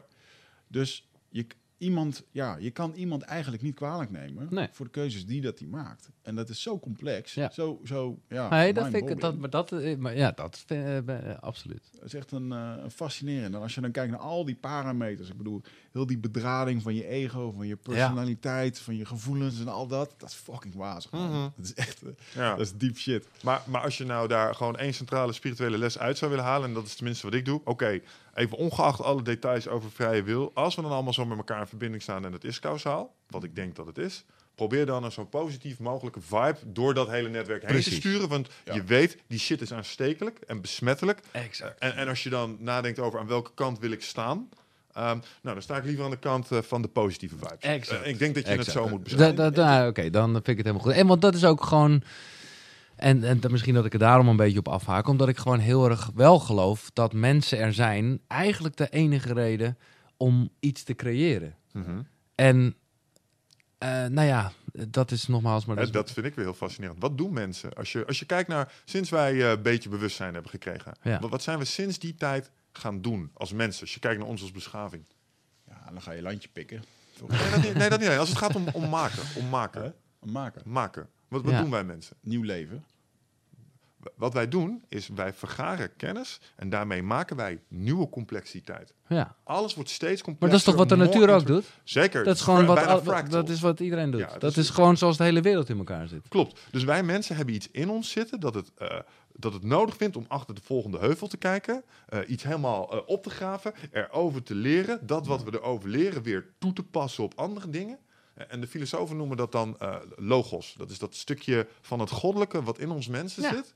Dat ervoor zorgt dat wij niet stil kunnen zitten. En als wij een blank papier hebben, dan moet daar iets op. Ja. Maar dat is toch gewoon, eh, dat is toch wat de zon doet. Ja? Energie, Ja. weet je wel, stralen geven. Ja. Ja. Klopt. Leven wij in de Matrix? Ja. Nee, ja, dat is niet. Leven wij in een simulatie, volgens jou? Nee. Dan weet je er niet genoeg van. Ah, nee, de, er is een. eh, Wow. De reden dat ik dit durf te zeggen, Ja. is omdat ik laatst naar een Joe Rogan podcast heb geluisterd. Ja. Dat is altijd waar. Ja, nee, precies. Alles wat Joe Rogan zegt klopt. Gelukkig bloot Joe Rogan nog niet zoveel. Nee. God de god. Maar, maar die heeft wel mensen die dat wel minder doen. En Ja, die had, nee, zeker, Die had nee. eh, Nick, Nick Bostrom over de vloer. Oh, die heb ik niet gecheckt. En. Nick Bostrom ik check hem heel vaak, hoor, moet ik zeggen. En Weet je wie eh, Nick Bostrom is? Nee, nee, nee. Is een meneer die gaat over AI. Heeft hij allerlei knappe boeken geschreven. En die heeft ooit een keer de simulation theory eh, populair gemaakt. Het is een idee van de Matrix, is al wel ouder. Maar wat hij zegt, als je een beetje van wiskunde weet, is dit wel een mindfuck. Hij zegt, oké, als je kijkt naar onze mensen, hoe waarschijnlijk is het dat als wij computers hebben die er sterk genoeg voor zijn, dat wij andere universa gaan simuleren? Als je kijkt naar wat we nu kunnen met de Sims, computerspelletjes, dat Ja, gaan wij doen. Gaan Ja, wij ja, 100% doen. Oké. ja. Dus stel, een beschaving kan dat. Dus er kan een hele universum runnen. Waarom je het zou willen doen? Geen idee. Misschien kun je er iets van leren. Dan zullen ze er niet één, maar dan zullen ze waarschijnlijk miljoenen tegelijk runnen. Als je kijkt naar software bij mensen, doen we nu ook. Dus als dat waar is, hoe groot is statistisch gezien de kans dan nog dat jij in dat ene werkelijkheid Nee, zit die wel we. echt is? Ja. Ja, nee, daarvan zeggen een heleboel mensen dus, eh, ja, Nick, daar kon je nog wel eens een punt hebben. En eh, Nee, wiskundige, ik vind het ook leuk om te... Maar het is gewoon een beetje als... Kijk, uiteindelijk... eh, De vis met de vissenkom, dat is gewoon... Er is niet meer... Dat, dat, is het. En hoe bedoel je dat? Nou, ik bedoel te zeggen, eh, ja, ah, lekker dit. Omdat gewoon het alles, noemen ze het ook weer, het, het, on, eh, gewoon het oneindige. Ja, Mhm. Daar zit dus alles in. ja, Ja. En wij, ja. Ja. Dus, dan is, dus dan kan er niet nog eens een keer. Dit is een beetje als wat je vroeger altijd deed. Nee, altijd net eentje extra. Dat er dan buiten het oneindige nog wat is. Nee, dat kan dus niet, want het is het oneindige. ja, maar je hebt wel infinities within infinities. Dus je hebt, je hebt eh, in wis, ja, wiskunde is in dat opzicht ja, zo fascinerend. Nee, ja, ik vind Het is als het en ik snap het niet, ja, hoor, maar- Het zijn als het ware het super interessant hoor. met twee spiegels tegenover elkaar die gewoon zo helemaal door de, het hele Ja. verhaal heen gaan. En dat is oneindigheid. Ja. Eigenlijk wel, ja. De echte vraag is trouwens, maakt het uit? Want Nee. stel het is waar, zou het dan uitmaken? Nee, dat is ook zo. Voor, voor, voor jouw muggenscheet leven hier niet. Toch? Nee, Nee, zeker nee, niet. dat klopt. En ik vind het wel een hele mooie. Laatst stuurde ik jou een filmpje van een meneer die bij Joe Rogan was. Die zat in 20 minuten te vertellen wat hij allemaal had meegemaakt. Ik geloof dat hij 22 jaar op Die Death, Death Row gast, ja, ja, ja. Fuck, die had een verhaal, hè? In 20 minuten zat hij te vertellen wat hij had meegemaakt. Eh, onterecht vast, geklooid met DNA, eh, in elkaar geslagen door bewakers, eh, noem het allemaal op. Het, hield gewoon niet op. En, en op een gegeven moment toen zei hij, en hij haalde daarin Robin Sharma aan, wat een bekende schrijver is, en, dus de Canadese Michael Pelagic, zeg maar. Ja. Ehm, en die heeft een boek geschreven, The Monk Who Sold His Ferrari. Echt een superleuk boek. En die heeft het ook heel erg over neuroplasticiteit. Daar is Mhm. hij echt heel erg bekend in. En een gegeven moment, toen zei die gevangene, hij zegt, op een gegeven moment heb ik, eh, was ik zo vernederd, zoveel pijn gehad, dat ik mezelf heb voorgenomen. Vanaf nu aan ga ik alleen nog maar een vriendelijk persoon zijn.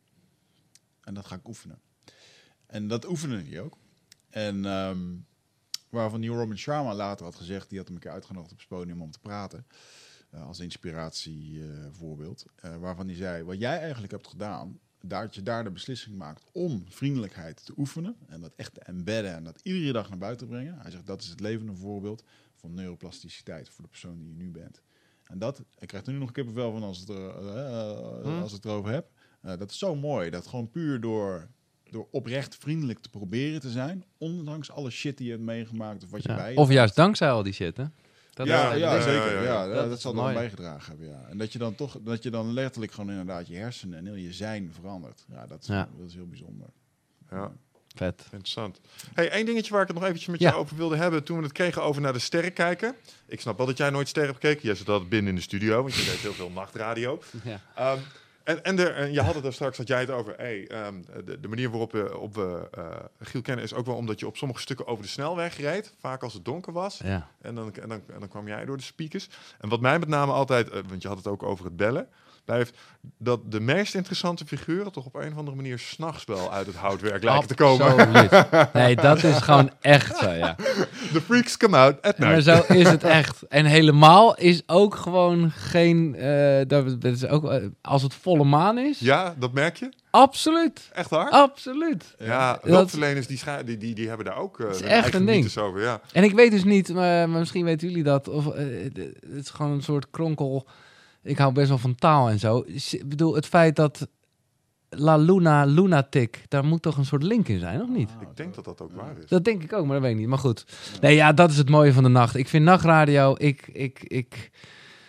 Kijk, ochtendradio is eigenlijk een beetje s'nachts qua dat mensen ook heel erg actief luisteren. Hè, want Ja. ze zijn vaak alleen en zo. Maar s'nachts, eh, eh, ja, ik eh, denk dat ik dat ooit echt nog wel ga doen. Terug de nachtradio Ja. in, ja. Ja. Ja, het- het- er is iets met de afwezigheid van het licht, denk ik. Het heeft een bepaalde intimiteit. Het ook. is het, het, Ja. het intieme is en, en wat ik nog steeds, ik bedoel, ik sta nog steeds eh, s s'nachts op. Hè, maar dan, eh, hè, om gewoon op. En het heeft gewoon ook zoiets romantisch of zo. Ja. Gewoon een beetje voordat de wereld wakker is. Of als de wereld slaapt. Ja, dat is Zijn, eh, ik bedoel, jouw momenten zijn natuurlijk allemaal vastgelegd. En er zijn eh, Giel, hele, eh, Giel Belen highlights te vinden op het internet. Maar zijn er nog een paar in je eigen zeg maar, highlight reel? Als je denkt van nachtradio, ja man, deze. Jeetje, dat was iets. Oh man, man, man. Ja, veel natuurlijk, maar Nou ja, nee, kijk, nou, de Dope Show, daar hebben we het over gehad, was een hele mooie serie. Dat zijn allemaal dingen die ik namelijk zelf als mens niet echt zou durven. Maar een beetje in dienst van de show dat wel gedaan heb. ja. Eh, maar ik heb ook wel ja, veel met seks dingen gedaan. Ik zal nooit vergeten. God, jongen. Dat was met eh, Gerard Ekdom deden wij de Frieknacht dus. En eh, nou ja, ik, ik, ik vond het gewoon echt wel leuk om daar dingen ook met seks te doen en zo. En toen was er een dame en die kon dan op commando skirten. En, en dus, daar, dus daar kon ik aftellen en dan ging het gebeuren. Nee, één. ja, maar echt. Gerard, ik dan stond met de emmer klaar. Oh nee, oh, dan heb ik straks nog een beter verhaal. Maar goed, dit, dit was gewoon wat wij altijd... Want dat, dat was gewoon op een rood bankje.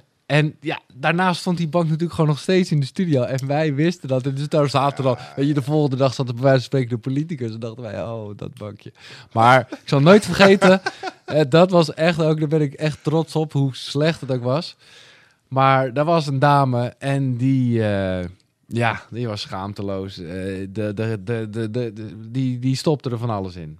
En toen bedacht ik, oké. Eh, en wij hadden toen echt een grote koffer voor alle bandjes met, met allerlei soorten en smaken microfoons. Ik zei nou, kies er maar eentje uit. Nou, oké. Zij zoekt er eentje uit, gewoon medium hoor, dat viel allemaal mee. Medium.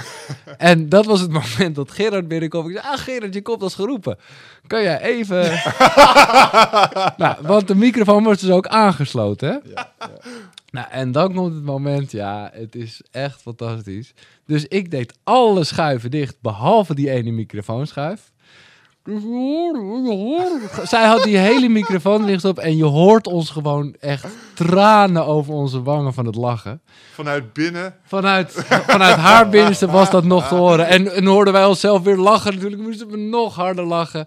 Ja, het kon echt niet. Maar op dat moment is het gewoon toch een mooie gedachte. Dat nou ja, er door heel Nederland het geluid wordt uitgezonden van een microfoon die vaginaal is ingebracht. Ik moet eerlijk zeggen, het heeft me ook nog best wel geld gekost. Want het is echt ranzig. Maar er staat toch echt een soort vlek op die microfoon. En eh, ik weet niet wat de, de technicus zei. Ja, die moet je echt eh, zelf betalen. Ik zei, oké, ja. Dus dat heb ik gedaan. Maar dat was, eh, nou, dat was wel... eh, Oké, nou, wij hebben de twee studio goals bij, eh, hoor ik net. We, hadden, we hebben de casting couch gehad. Dat was ook niet mooi. Ja. Dat in, eh in pornofilm. Ah, dit is even, jij, Ja. jij weet wat het is? Ik ken het wel van de check. filmpjes, ja, lekker ja, ja. praten. Maar dat is toch allemaal niet echt? op een gegeven moment hadden wij... Dat is toch, no- Nee, ja. toch- dat- Nee, maar je, je, we- je weet iets over iemand op het moment dat je zegt... Ah, is de casting couch. En ze beginnen te grijnzen. Ja. Dan weet je iets over Nee, deze precies. persoon zijn internetgedrag. Ja, ja, nee, een van de grootste uh, krijgsheren van de Nederlandse manwacht... die met een chauffeur en een beveiliger en nog twee andere gasten binnenkwam. En eh, eh, we hadden, er stond er ergens casting couch grapjes of zo. hè? Ja, wij hadden, een, we hadden het schoolbord. Ja. En, en eh, vaak waren het de mensen die binnenkwamen. Nou, zodra er dan... Oh, hey, de casting couch. Weet je wel, dan was dan draaide wat bord om. Dan kwam er een streep bij. Casting couch grappen. Dan ging het bord het, weer, weer de andere kant op. En, eh, die, die zagen dat casting couch en ze staan met z'n vieren echt met zijn grote grimas. behalve, die, behalve diegene, of die kolonel destijds, die, die snapte hem niet. wel. dus echt zo van, eh, dit is bijzonder dat jullie hem snappen, weet je wel. Dat was hem uitleggen. Ja, Ja. dat is een goeie. Maar Nee, maar het is toch, nou ja, dit, dit is toch, het, het is toch nooit echt? Ik vraag me, dat vraag ik me wel ik denk oprecht af. dat alles wat je ziet daar gruwelijk nep is. Ja, toch? En ehm, Nee, ik kan ook niet anders. eh, ja, hoe zou ik het zeggen? Ik denk ook echt absoluut dat het niet goed is voor eh, de jonge geesten om daar eh, te veel naar te kijken. Ik denk echt, eh, dat is, nee maar se- se- serieus, want ik ben, bedoel, nou ja, ik vertel net, veel met seks gedaan en nog steeds, weet je, het is gewoon een dankbaar onderwerp, omdat het gewoon, nou ja, ergens ook iets spiritueels heeft natuurlijk, seks. Maar ik, ik, ik vind wel dat we echt in een verkrekte tijd leven daarin, hoor. Oh, en daar gaat echt wel veel aan kapot. Veel... Eh, Internet heeft mijn eh, seksuele perceptie echt wel een tik uh, de Dat goede of de slechte kant Nou ja, opgegeven. ik- En wat ik een van de mooiste momenten daarin vond was Patricia Pai. Die heeft Ja. daar op een gegeven moment nodig over verteld een keer in een talkshow. Want die, die was ook wel open over, nou die, die houdt er ook van. Ja, En ze zegt, ik kan merken eh, wanneer eh, eh, jongens te veel internet... De, de oude garde, oude mannen, die zijn gewoon op een bepaalde manier... die, die hebben een bepaalde seksuele beleving. Ja. En de jongere jongens, eh, die hebben een soort checklist... aan Dat is het echt, activiteiten die allemaal eerst moeten Ja, worden gedaan. ja, maar- Anders was het niet porno genoeg. Maar dat is echt, eh, dat is echt een onderwerp ja, waarvan ik echt soms denk van hoe kan het? Eh, ja, maar niemand zal er echt... Nou, ik denk Iets dat dat, een, eh, dat, is, dat is de king trap. Want toen porno voor de eerste keer, toen je je, eh, hoe heet dat, eh, private uh, tape kreeg, nou, dat was, eh, je kon gewoon de copulatie op het beeld zien. Dat was al heel wat. Ja, Maar op een gegeven moment went dat. nee, Dus dat die is shit het. Als met, wie- is als met wiet. Je bouwt een Ja, tolerantie op. dat is het. En je hebt steeds meer nodig om op dezelfde high te komen. En daarom zie je steeds meer exotische vormen van porno ontstaan Ja. op het internet. Ja. Ken je de Ja. internetregels? Heb je dat wel eens meegekregen? Nee, nee. Zo'n meme. Er is ooit een keer op een bord, dat heet 4chan. Dat is een soort groot Ja, internetforum. ja, dat ken ik wel, ja. Daar zijn de internetregels eh, bedacht. En eh, regel 1 was, je praat niet over 4chan. Sorry jongens. Ehm, en regel 34 was, als je het kunt verzinnen, is er porno van. Ja, Eh, en regel Ah, 35 is, als het niet is, dan komt het bij deze wel. ja, maar zo is het echt. Ja, maar dat is, dat is best wel ziek hoor. Maar ja, luister, het zegt alles over de menselijke aard. Zeker. Ik bedoel, het feit dat het internet zo groot is geworden, is, laten we wel wezen, niet omdat je online het weer kon bekijken of de beursstanden Nee, kon controleren. Nee, eh, true. Maar laat ik het even doortrekken. Want dit is een onderwerp eh, dat ook eh, in mijn Koekeroe-podcast echt veel voorkomt. Omdat ik er gewoon een beetje mee zit in mijn eigen leven ook. Omdat ik namelijk ook weer niet geloof in de no-fap-beweging. Nee. Hè, Nee. de- de- daarvan denk ik, ja... Nee joh. Maar de, aan de andere kant is dus ook wel weer dat je denkt... maar het- ik vind het ook weer niet helemaal onzin. Want ik geloof wel dat het iets is van een soort kracht... Jij geeft mij een boek. Die moet je maar even gaan lezen. Ja, Way of the Superior Man. Het gaat Oh, allemaal echt over- waar? ja, het oh, allemaal het gaat echt over seksueel Ja, verlangen het gaat zo. over eh, die seksuele balans, die mannelijke energie en die vrouwelijke energie. En, eh, en daar staat, dat is heel erg gericht ook op, op het Taoïsme. En Taoïsme waren... eh, Oh, zelfs Tony Robbins zegt er mooie dingen over. Dat vind ik dan toch... Ja, weer Taoïsme, eh, neem maar mee. Ja, oké. Eh, Taoïsme, die, ehm, de Taoïsten, de- waren eh, seks, daar word je gezond van. Joh, dat maakt Ja. allemaal hormonen Nee, dat geloof ik ook. Dat hele biochemische proces van seks, het geeft echt heling, weet je wel. Ja. Mhm. Alleen, daar staat dan ook in, als je er wat verder in gaat, dat eh, de seks waar zij het over hebben, ja, die duurt dan minimaal 45 minuten. Want dat, dat is de Ja. tijd die de vrouw nodig heeft om te Maar is wel met ejaculatie. Jazeker, maar dan full body eh, orgasms. Ja, ja, ja, dus precies. niet meer op de, op de manier zoals Nou, dat ik wist, dus, ik wist dus niet, maar ik, ik zit heel erg... Die heb ik nog niet uitgenodigd, maar ik ben er gewoon even privé langs gegaan. Dus had ik weer een boek over tantra gelezen en zo. Ja. En ik dacht, ik wist dus niet dat je ook kon klaarkomen zonder ejaculatie. Ja hoor. Nou, daar had ik toch weinig filmpjes over gezien op het internet. Daar gaat dit boek... het Ja, nee, nee, nee. De, de, de porntubes gaan- laten de, Ja. alle- vooral de andere versie zien. Ja, ja, zeker, Dit, zeker. eh, Ja. dit vind ik het handboek voor, eh, voor iedere man. Eh, en er staan Oké. hele, hele goede dingen en Nou, eh, dit is echt, het heeft er weer zo moeten zijn. Eh, ja, Wat, zeker. en hoezo heb je dit gewoon, bij- waar haal je dit vandaan? Je, Nou, we hebben Zal vorige dat week toevallig, vorige keer Ah. hebben we voor de grap een, eh, een boekbespreking gedaan. Dus Oh. we doen eindbazen boekbesprekingen. En dit was het boek wat ik even tegen Oké. Michel heb aangelegd. Maar dit is, eh, dit is mijn heilige boek voor, eh, voor mannen die zoekende zijn. En zeker voor jongeren Oké. vind ik dit een... eh, Nou, ook veel met ademhaling in. Dus het hele neusademhalingstuk Ja. zit er ook heel erg in. Dus, Ja. dat, dat, ejac- dus dat klaarkomen zonder ejaculatie, dus net op het juiste moment en dat dan, dat, dat Ja. gaat allemaal via Nou, ademhaling. kijk, eh, eh, de- de- een van, eh, hè, als het gaat over boeken en een classic natuurlijk, is dan Napoleon Hill. Die het heel erg over dat transmuteren van seksuele energie. En hij, het is gewoon, ja, dat vind je het gek, het is een fucking oud boek. Hij- Het is daar gewoon een beetje vaag over. Of je het dan juist heel veel moet doen, of dat je het juist niet moet doen. Ik, ik vind Ah, het ik heb daar de wel- les daarmee dat het creatieve energie is. Ja, Toch? En het, eh, Ja. het is de drive. En Oh, Nou, de dat- geldingsdrang met name. Want het, het hele idee van Freud was dat alles wat je om je heen gebouwd ziet worden, is niet Ja. meer als een manifestatie van seksuele frustratie. Want Nee. je doet het ja. omdat je jezelf eh, beter wil laten zijn in het aantrekken van seksuele Ja, partners. maar nu zeg je twee dingen. Je zegt, nu, want we hebben het over Napoleon Hill en jij begint over Freud. Dat zijn twee andere boekschrijvers. Nee, dat weet ik. Maar het gaat om die seksuele eh, drive, zeg maar. Hè, dat, dat, dat, dat, die seksuele energie die je voelt, om vrouwen bijvoorbeeld aan te willen trekken, dat omzetten naar iets doen, Ja. zeg maar. Da daar heeft Freud het ook over. Ja. Omdat het zo'n sterke drive Ja, binnen- ja, ja. binnen met name mannen is. ja. Maar ik denk dat heel veel van die eh, mannelijke energie wat we vandaag de dag zien, en dat komt onder andere door bijvoorbeeld de pornofilms of de actiefilms of wat Mhm. dan ook. Dat is niet de mannelijke energie die per se positief is. Nee. En als je het hebt over eh, de vrouwen die veel te veel in de mannelijkheid hangen en doen. En ik vind die polariteit, de natuur geeft dat gewoon weer. Dat- dat- en als je daar naar daar durft te kijken. Alleen, ja, het moet dan natuurlijk... Ik vind dat iedereen gelijke rechten mag hebben. Maar ik vind niet dat iedereen gelijk is. En, en dat is gewoon natuurlijk zo bepaald. Ja. Vind ik wel even interessant om te weten. dan, Maar waar zie jij, ehm, want, want giftige mannelijkheid is helemaal een ding. Ik heb het boekje ook gelezen. Tegelijkertijd zegt het wel, viert het dezelfde dingen die wij vieren in actiehelden. Alleen bij actiehelden wordt het gechargeerd en zit die saus van een gewelddadig verhaal eroverheen. Mhm. Maar het is zelfstandigheid, doortastendheid, staan voor je missie, Ja, je, je niet laten de- afleiden van je Ja. doel. Als je dat kanaliseert Ja, ja. voor de juiste doeleinden, Zeker. eh, dan, dan... Nou, ik vind ook wat jij zegt, eh, eh, en dat zeiden ook die, die tantra mensen waar ik op bezoek was. Die wisten ook, die zeiden nou je moet niet denken in seksuele energie, maar in levensenergie. Toen dacht ik al van, oh ja, dat, dat vond ik al een soort bevrijding of zo. En dat het überhaupt door je heen stroomt, weet je. En, en waarom, eh, eh, want ik had vroeger ook problemen met seks en met dingen. En ehm, eh, toen ben ik op een gegeven moment ook erachter gekomen van ja, oké, maar waarom komt het dan, waarom komt het dan zo dat ik daar zo'n probleem mee heb? Omdat het, het, het zit ergens vast in je hoofd. Ja, Je gaat stotteren met je ademhaling. Eh, en weet je, en uiteindelijk als je jezelf, je lichaam en je geest onder controle hebt, ja, dan maakt het dus niet meer uit. Dan kun je dus alles doen. ja. En, en toen kwam ik er dus ook achter dat eigenlijk, want als jij slecht ademhaalt, nu al dagelijks, dan doe je dat in je seks, Seks in je allemaal, sporten, ja. in je werk. Dan doe je het overal. ja. En eh, ja, ik vond het een heel. eh, alleen het wordt ons niet geleerd. Ik bedoel, Nee, eh, dat, wordt- er wordt helemaal niks in dat kader ik geleerd. weet nog, nee. mijn seksuele voorlichting. eh, ik weet nog dat ik toen een keertje op de camping in Frankrijk was, ik een jaar of. ik weet niet hoe oud ik was. Geen idee. Jong in ieder geval. En toen had ik het over. nou, neuken. En dat was natuurlijk een ding. En hoe kom je bij dat woord en Ja, dat? En weet je wel wat dat betekent? En toen ik natuurlijk schaamrood van ja, fuck, weet eigenlijk helemaal niet. En toen weet ik nog wel dat het, nou thuis eh, zouden we het daar nog wel eens over hebben. En dan moest ik echt op de bank gaan zitten met mijn stiefvader die dan dat boek eh, zo en echt, die legde dat dan even 10 minuten uit. En dat ik echt dacht, dit is zo kut. Ja.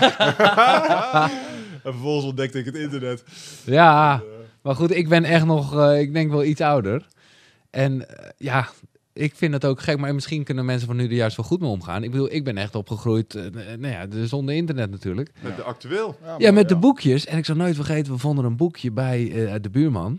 En ik ben gewoon wel altijd iemand, als je het niet weet, dan vraag je het. Dus wij zaten zo'n zo'n klein boekje te bekijken. De tuk. De tuk de of zoiets. Ja, precies. Ja, ja, En ik zag daar op een gegeven moment zag daar een foto van een vrouw. En waarvan wij dachten, wat doet ze nou met die kogel? Want het zag er echt uit als een kogel. Het was een grote metalen ding. Wat zij bij haar zichzelf naar binnen stopte. En, en ik, ja, ik wist wel wat een kogel was, maar niet... Ik, en we hadden het erover, we wisten het niet. Ik zeg, we gaan het gewoon vragen. Dus ik naar de moeder van eh de buurjongen. Nou, die trok dat gelijk uit onze handen. En, en, en er werd nooit meer wat over verteld. En toen later we zeggen, nou ja, het internet kwam. En dan had je soms een site met passwords. En dan zag je Ja. even je- En nu is het gewoon boom. Ja. Misschien is het ook wel beter. Ergens, maar eh, nou ja. En daarom heb je die USB-kogel gekocht. Ja, ik moest er ook wel net aan. Ik ben blij dat, na- dat jouw mind minstens zo sick is. Want ik, ik- hij ziet er echt wel zo uit, ja. Ja. mooi man. Hilarisch. Nou, wat leuk dat we ook... Maar ik bedoel, eh, mag ik dan de vraag stellen... eh, hoe, hoe ga je dan nu om met seks? En kan je inderdaad... ehm, nou ja, kan je... Nee, ja, eh, Ja. Nou ja. Ik, ik denk dat als ik kijk naar mijn eh, relaties met seks, en de vorige twee relaties, ik heb drie relaties gehad, Ja. en twee daarvan ehm, had ik heel erg bedacht in mijn hoofd hoe dat het allemaal moest zijn. En als je daar dus op een gegeven moment er niet aan voldoet, en, eh, eh, hè, maar bijvoorbeeld als je drugs gebruikt, dan kan dat wel. Ja. Ja, dan zit je in een loopje waar je, Ja, dan je- waar je niet uit kan. Nee. En, Maar kan jij nu echt bijvoorbeeld... Zou je seks kunnen hebben zonder hoogtepunt? Ja, Ja? Ja. Wauw, ja, maar dat zou ik echt willen. Mm. ja. En Omdat ik gewoon toch altijd op een gegeven moment... En dat Ja, is ook het nee. lekkere ervan. Ergens... Ja, Nu moeten we toch wel eventjes... eh, Ja, en, en dat is dat ook, ook hè, dat is eigenlijk het gevecht wat die Taoïsten ook zeggen. Van ja, dan moet je mee leren spelen. En je moet dat, dat kan je dan steeds verder uitstellen. En op Ja, je moet moment, gewoon nooit boven de acht op een eigenlijk. gegeven moment kan je echt daadwerkelijk een, een full body. eh, eh, ik zou je nog een ander boek e-mailen. Staat het dan. Dat heet eh, The Multi-Orgasmic Man. Oké. Dat is een hele pul. Maar het gaat er dus ook om, als je het dan hebt over eh, trauma en dingen. Ik heb daar eens een keertje met zo'n tantra-masseuse heb ik, eh, dat eh, gedaan. Ben ik al wel aan het vertellen. Dit. Lekker dit. Maar die, ehm, die, ehm, eh, die zei, oké, ga maar eens liggen. En dat is natuurlijk niks seksueels aan. Maar Nee. wat zij gewoon deed, ze pakte mij op een gegeven moment bij mijn buik en dingen. Ze zegt, joh, heel jouw heupen, heel je buik staat gewoon op, op, op, op slot. Ja, ja, ja. En ze zegt, dat zie ik heel veel bij mannen. En ja, dan kan je, de, dan gaat er, dan als alles op, sta, als alles op krampen staat, dan, dan is er geen energie mogelijk die kan stromen of wat dan ook. En eh, zij heeft het toen eh, gemasseerd en gedaan. En niks, aan, niks aan mijn edele delen, wat Nee, dan ook. nee, gewoon puur mijn buik en mijn heupen. En eh, ja, ik moet eerlijk zeggen, dat heeft echt ook echt al wonderen. eh, Voor altijd, niet alleen tijdens... Ja, ja, ja. Zeker. En, en, wat, en waar ik later dus ben achtergekomen. Ik denk dat ik, eh, ik heb van mijn 9 tot mijn, of van mijn tiende tot mijn tw- 21ste heb ik in een huishouden gewoond waar continu huiselijk geweld was. Oké. Ik heb heel mijn leven, eh, ik, ik gedij heel goed in stress. Ja. Ik herken dat. En ehm, ik durf ook wel te zeggen dat eh, de spanning die ik in mijn lichaam heb gevoeld, en ook, en ook dus ook geestelijk of la- eh, ja, lichamelijk, dat, ehm, eh, dat draag je bij je, of dat zoek je op, of dat je kunt daar zo tien jaar mee leven voordat je in de gaten hebt van wow, ik loop hier eigenlijk mee rond. Ja. En ehm, ik denk zeker dat het vechtsporten en zo, dat heeft echt wel een hoop eh, Los, eh, ja, komt dat ja, eruit ja. gooien en zo. Eh, en dit is een heel nieuw ding. En ik moet eerlijk zeggen, nu met mijn nieuwe vriendin kan ik hier lekker over praten. En, en dat heeft heel veel. Het allerbelangrijkste erin is, is dat je je de veiligheid voelt. Dat je dit gewoon kan uitproberen. En dat het ook een keer mag mislukken. Ja. En dat was eerst geen optie bij mij. Nee, nee, nee. En, Toen moest het eh, volgens het boekje, van wat je zelf had bedacht. ja, en eh, er zijn geen regels voor Nee, seks, nee. weet je wel. En haal dat eens uit je hoofd. En dat Ja. is lastig als je jezelf eh, hebt geprogrammeerd achter YouTube met van alles en nog wat. Exact. Eh, of wat je hoort van anderen. En want niemand praat hierover. Als je dit op een verjaardag bespreekt, dan, eh, dan kijkt iedereen naar de grond. En doe dat ook niet dan. Hmm.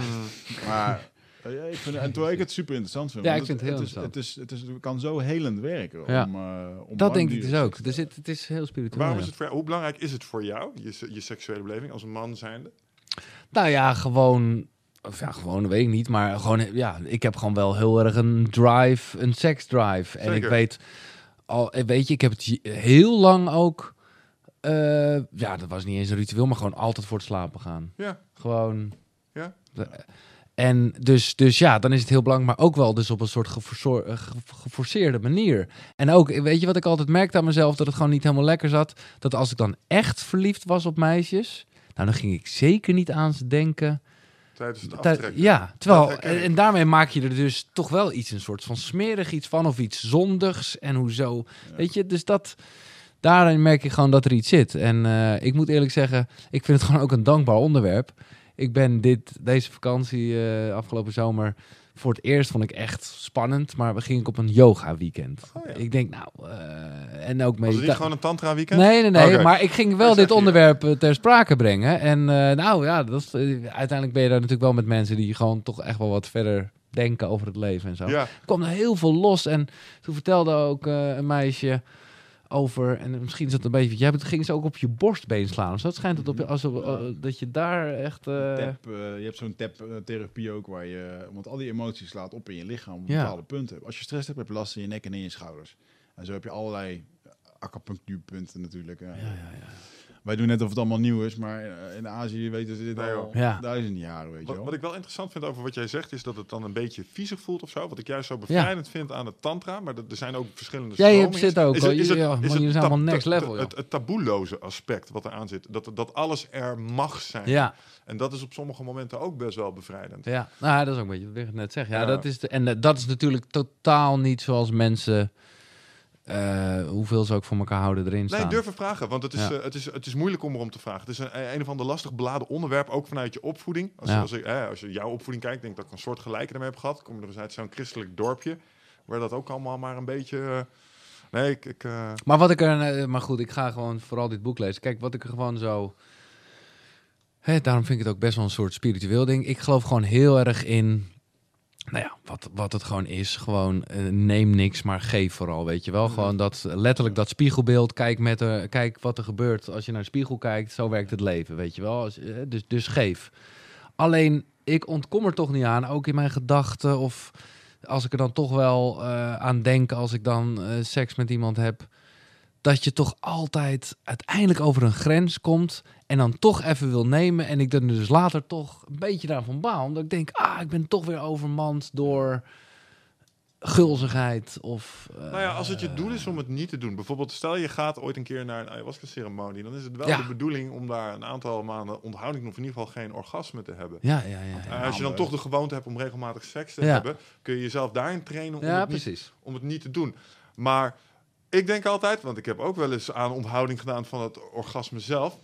Doesn't feel good, man. Nee, hè? Nee, Nee. nee, nee. Als je dan daarna eh zeg dat is maar... echt opkropping. Oh, dat is, dat, is, dat voelt ook ongezond. Ik heb echt een jaar lang mezelf onthouden. Ja. Op een gegeven moment, toen ik eh, niet lekker in En, en, en gaf het je energie? Maar wel tot... tot, tot Want ik heb dus heel lang gedacht dat Napoleon heel dat bedoelde, maar Nou dat... ja, zeker, want die onthouding zorgt er dan ook voor dat je... ehm, eh, dan blijft die energie allemaal in jou. Ja. En de Taoïsten zeggen ook hè, dat eh, ieder, op bepaalde leeftijden, maar een gezonde man zou iedere tien dagen, moet dat in principe, eh, moet, het- moet het er ook uit. Moet het ververs. Ja, terwijl er weer andere theorieën zijn. Nou, niet Ja. meer dan tien keer per jaar. Nou, Ja, dat ik kan ik niet met elkaar je op een gegeven moment dat het goed is dat je een theorie pakt niet. die je aanspreekt en dat je Ja, denkt, dat ik is ga dit altijd. gewoon doen. Dat is Eh, altijd. eh, maar uiteindelijk, ehm, het zorgt er gewoon voor dat je, dat je ehm, eh, intern alles, eh, ehm, je houdt alles intern, dus ook gewoon je, je bullshit. Ja. Zet de camera op. Ik weet het niet, man. Als je, want als je kijkt naar, eh, ik weet niet welke... En had je dan ook niet een natte droom of zo? Ja, wat niet uitmaakt, want dat is toch heel wat anders. Nee. Nee. Nee, maar wel- welke instituut zegt dat nou ook alweer? Dat het gezond is voor mannen hun prostaat om gewoon dagelijks te ejaculeren. Weet je wel, vanuit een fysieke zin. Ehm, Ja. Zou het maar zo net zo eens kunnen zijn als eh, sporten? Als je regelmatig sport, ehm, dan word je je gewoon het- beter in en dan wordt het ja, ja. sterker, snap je? Maar ik, ik denk uiteindelijk wat je zei net, dat is het allemaal, en dat is een hele belangrijke shift die, eh, die ik zelf daar ook wel in maakte. Dat als je seks hebt, eh, voor wie heb je seks? Heb je het voor jezelf of om de anderen te pleasen? En om die anderen te pleasen, dus echt alleen maar om te geven, eh, dat is echt een, een, een, een mindfuck die denk ik een hele hoop mensen niet kunnen maken.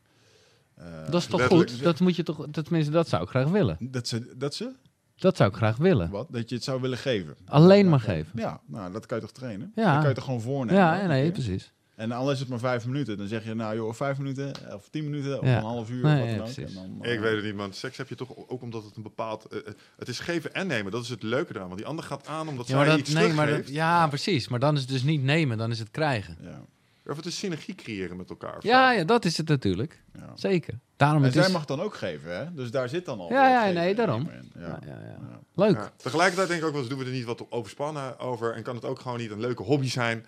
ehm, om, om als... Nou, ik Het vind toch vooral... leuk om te doen? Nee, dat is het ook. Maar ik vind het vooral... Daarom vind ik het ook echt leuk dat we het in, in deze context, in dit gesprek bespreken. Omdat ik het namelijk... Ik zou het wel veel meer naar de spirituele kant willen overhevelen. Mhm. Omdat het gewoon echt wel iets magisch, iets moois is. Het heeft met je ademhaling te maken. Het is een connectie van mensen. En dat heeft de tijd, en dat is niet alleen het internet, maar ook zeker dat... Heeft het toch een beetje kapot gemaakt. Waardoor het gewoon, nou ja, gewoon Ja. dit is Dat vind ik geworden. een van de mooiste dingen als je kijkt naar Tantra. Want waar gaat het dan om? Dan gaat het over verbinding. En die verbindingen die krijg je niet op het moment als je twee minuten er bovenop ligt en klaar komt Nee. en het is klaar. Wat bij heel veel stelletjes gebeurt. Ook al gebeurt dat dan drie keer per week, maar echt te kunnen verbinden. Door dat gewoon eh, inderdaad lang, eh, drie kwartier, een uur, echt met elkaar lekker die passie kunnen Ja. voelen. Dat is verbinding. En dat is op Ja. een andere manier. En dat, dat ja, is toch misschien een vergeten... Nee, dat kunst. denk ik dus ook. Oké Giel, we eh, zijn op een einde gekomen. We hebben twee uur zitten kletsen. Twee, is het echt Ja, twee uur? ja. Oh, dit is Dat weer, had ook nog wel even door kunnen dit is weer zo'n lange. Dit is weer zo eentje van ik denk, ah jongens, Jezus, had het niet korter gezet. Ah, we hebben eh, zometeen eh, onze allereerste gast komt zometeen, Martijn de Jong. Die, die Patiënt nul. Oh, Dus oké. dat is wel, eh, Leuk. Ja, Ja, nou ja, nogmaals, het was een eer jongens. Ik ga jullie zeker uitnodigen voor mijn eigen projectje. eh, en, eh, Koekeroe. tof, man. Ja. ja, ja, goed. Binnenkort op iTunes en Spotify te vinden, jongens. Ja. Volgende week heb ik net Nu moet, nu moet ik wel. Ja. Ja. laten, we dit, ehm, laten we dit doen. En ik ga eventjes in de lucht gooien wat ik gisteravond in mijn bedje lag te bedenken. Oké. Ehm, we hebben natuurlijk de grote eindbazenshow. Sorry, En toen zat ik ook te denken, ja, het lijkt me ook echt super lachen om een keer een soort grote eindbazenshow te organiseren, maar dan met allerlei podcasters.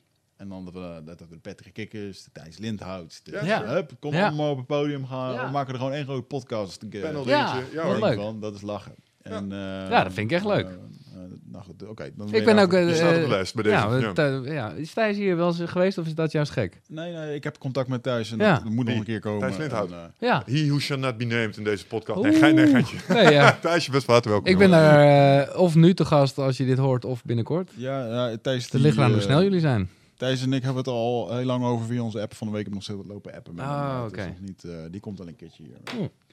Leuk jongens, ja. eh, eindbazen, dat wil ik wel even zeggen.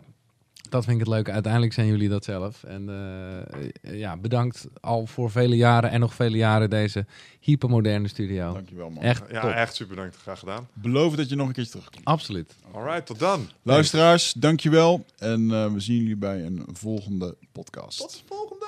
Doei. Ciao.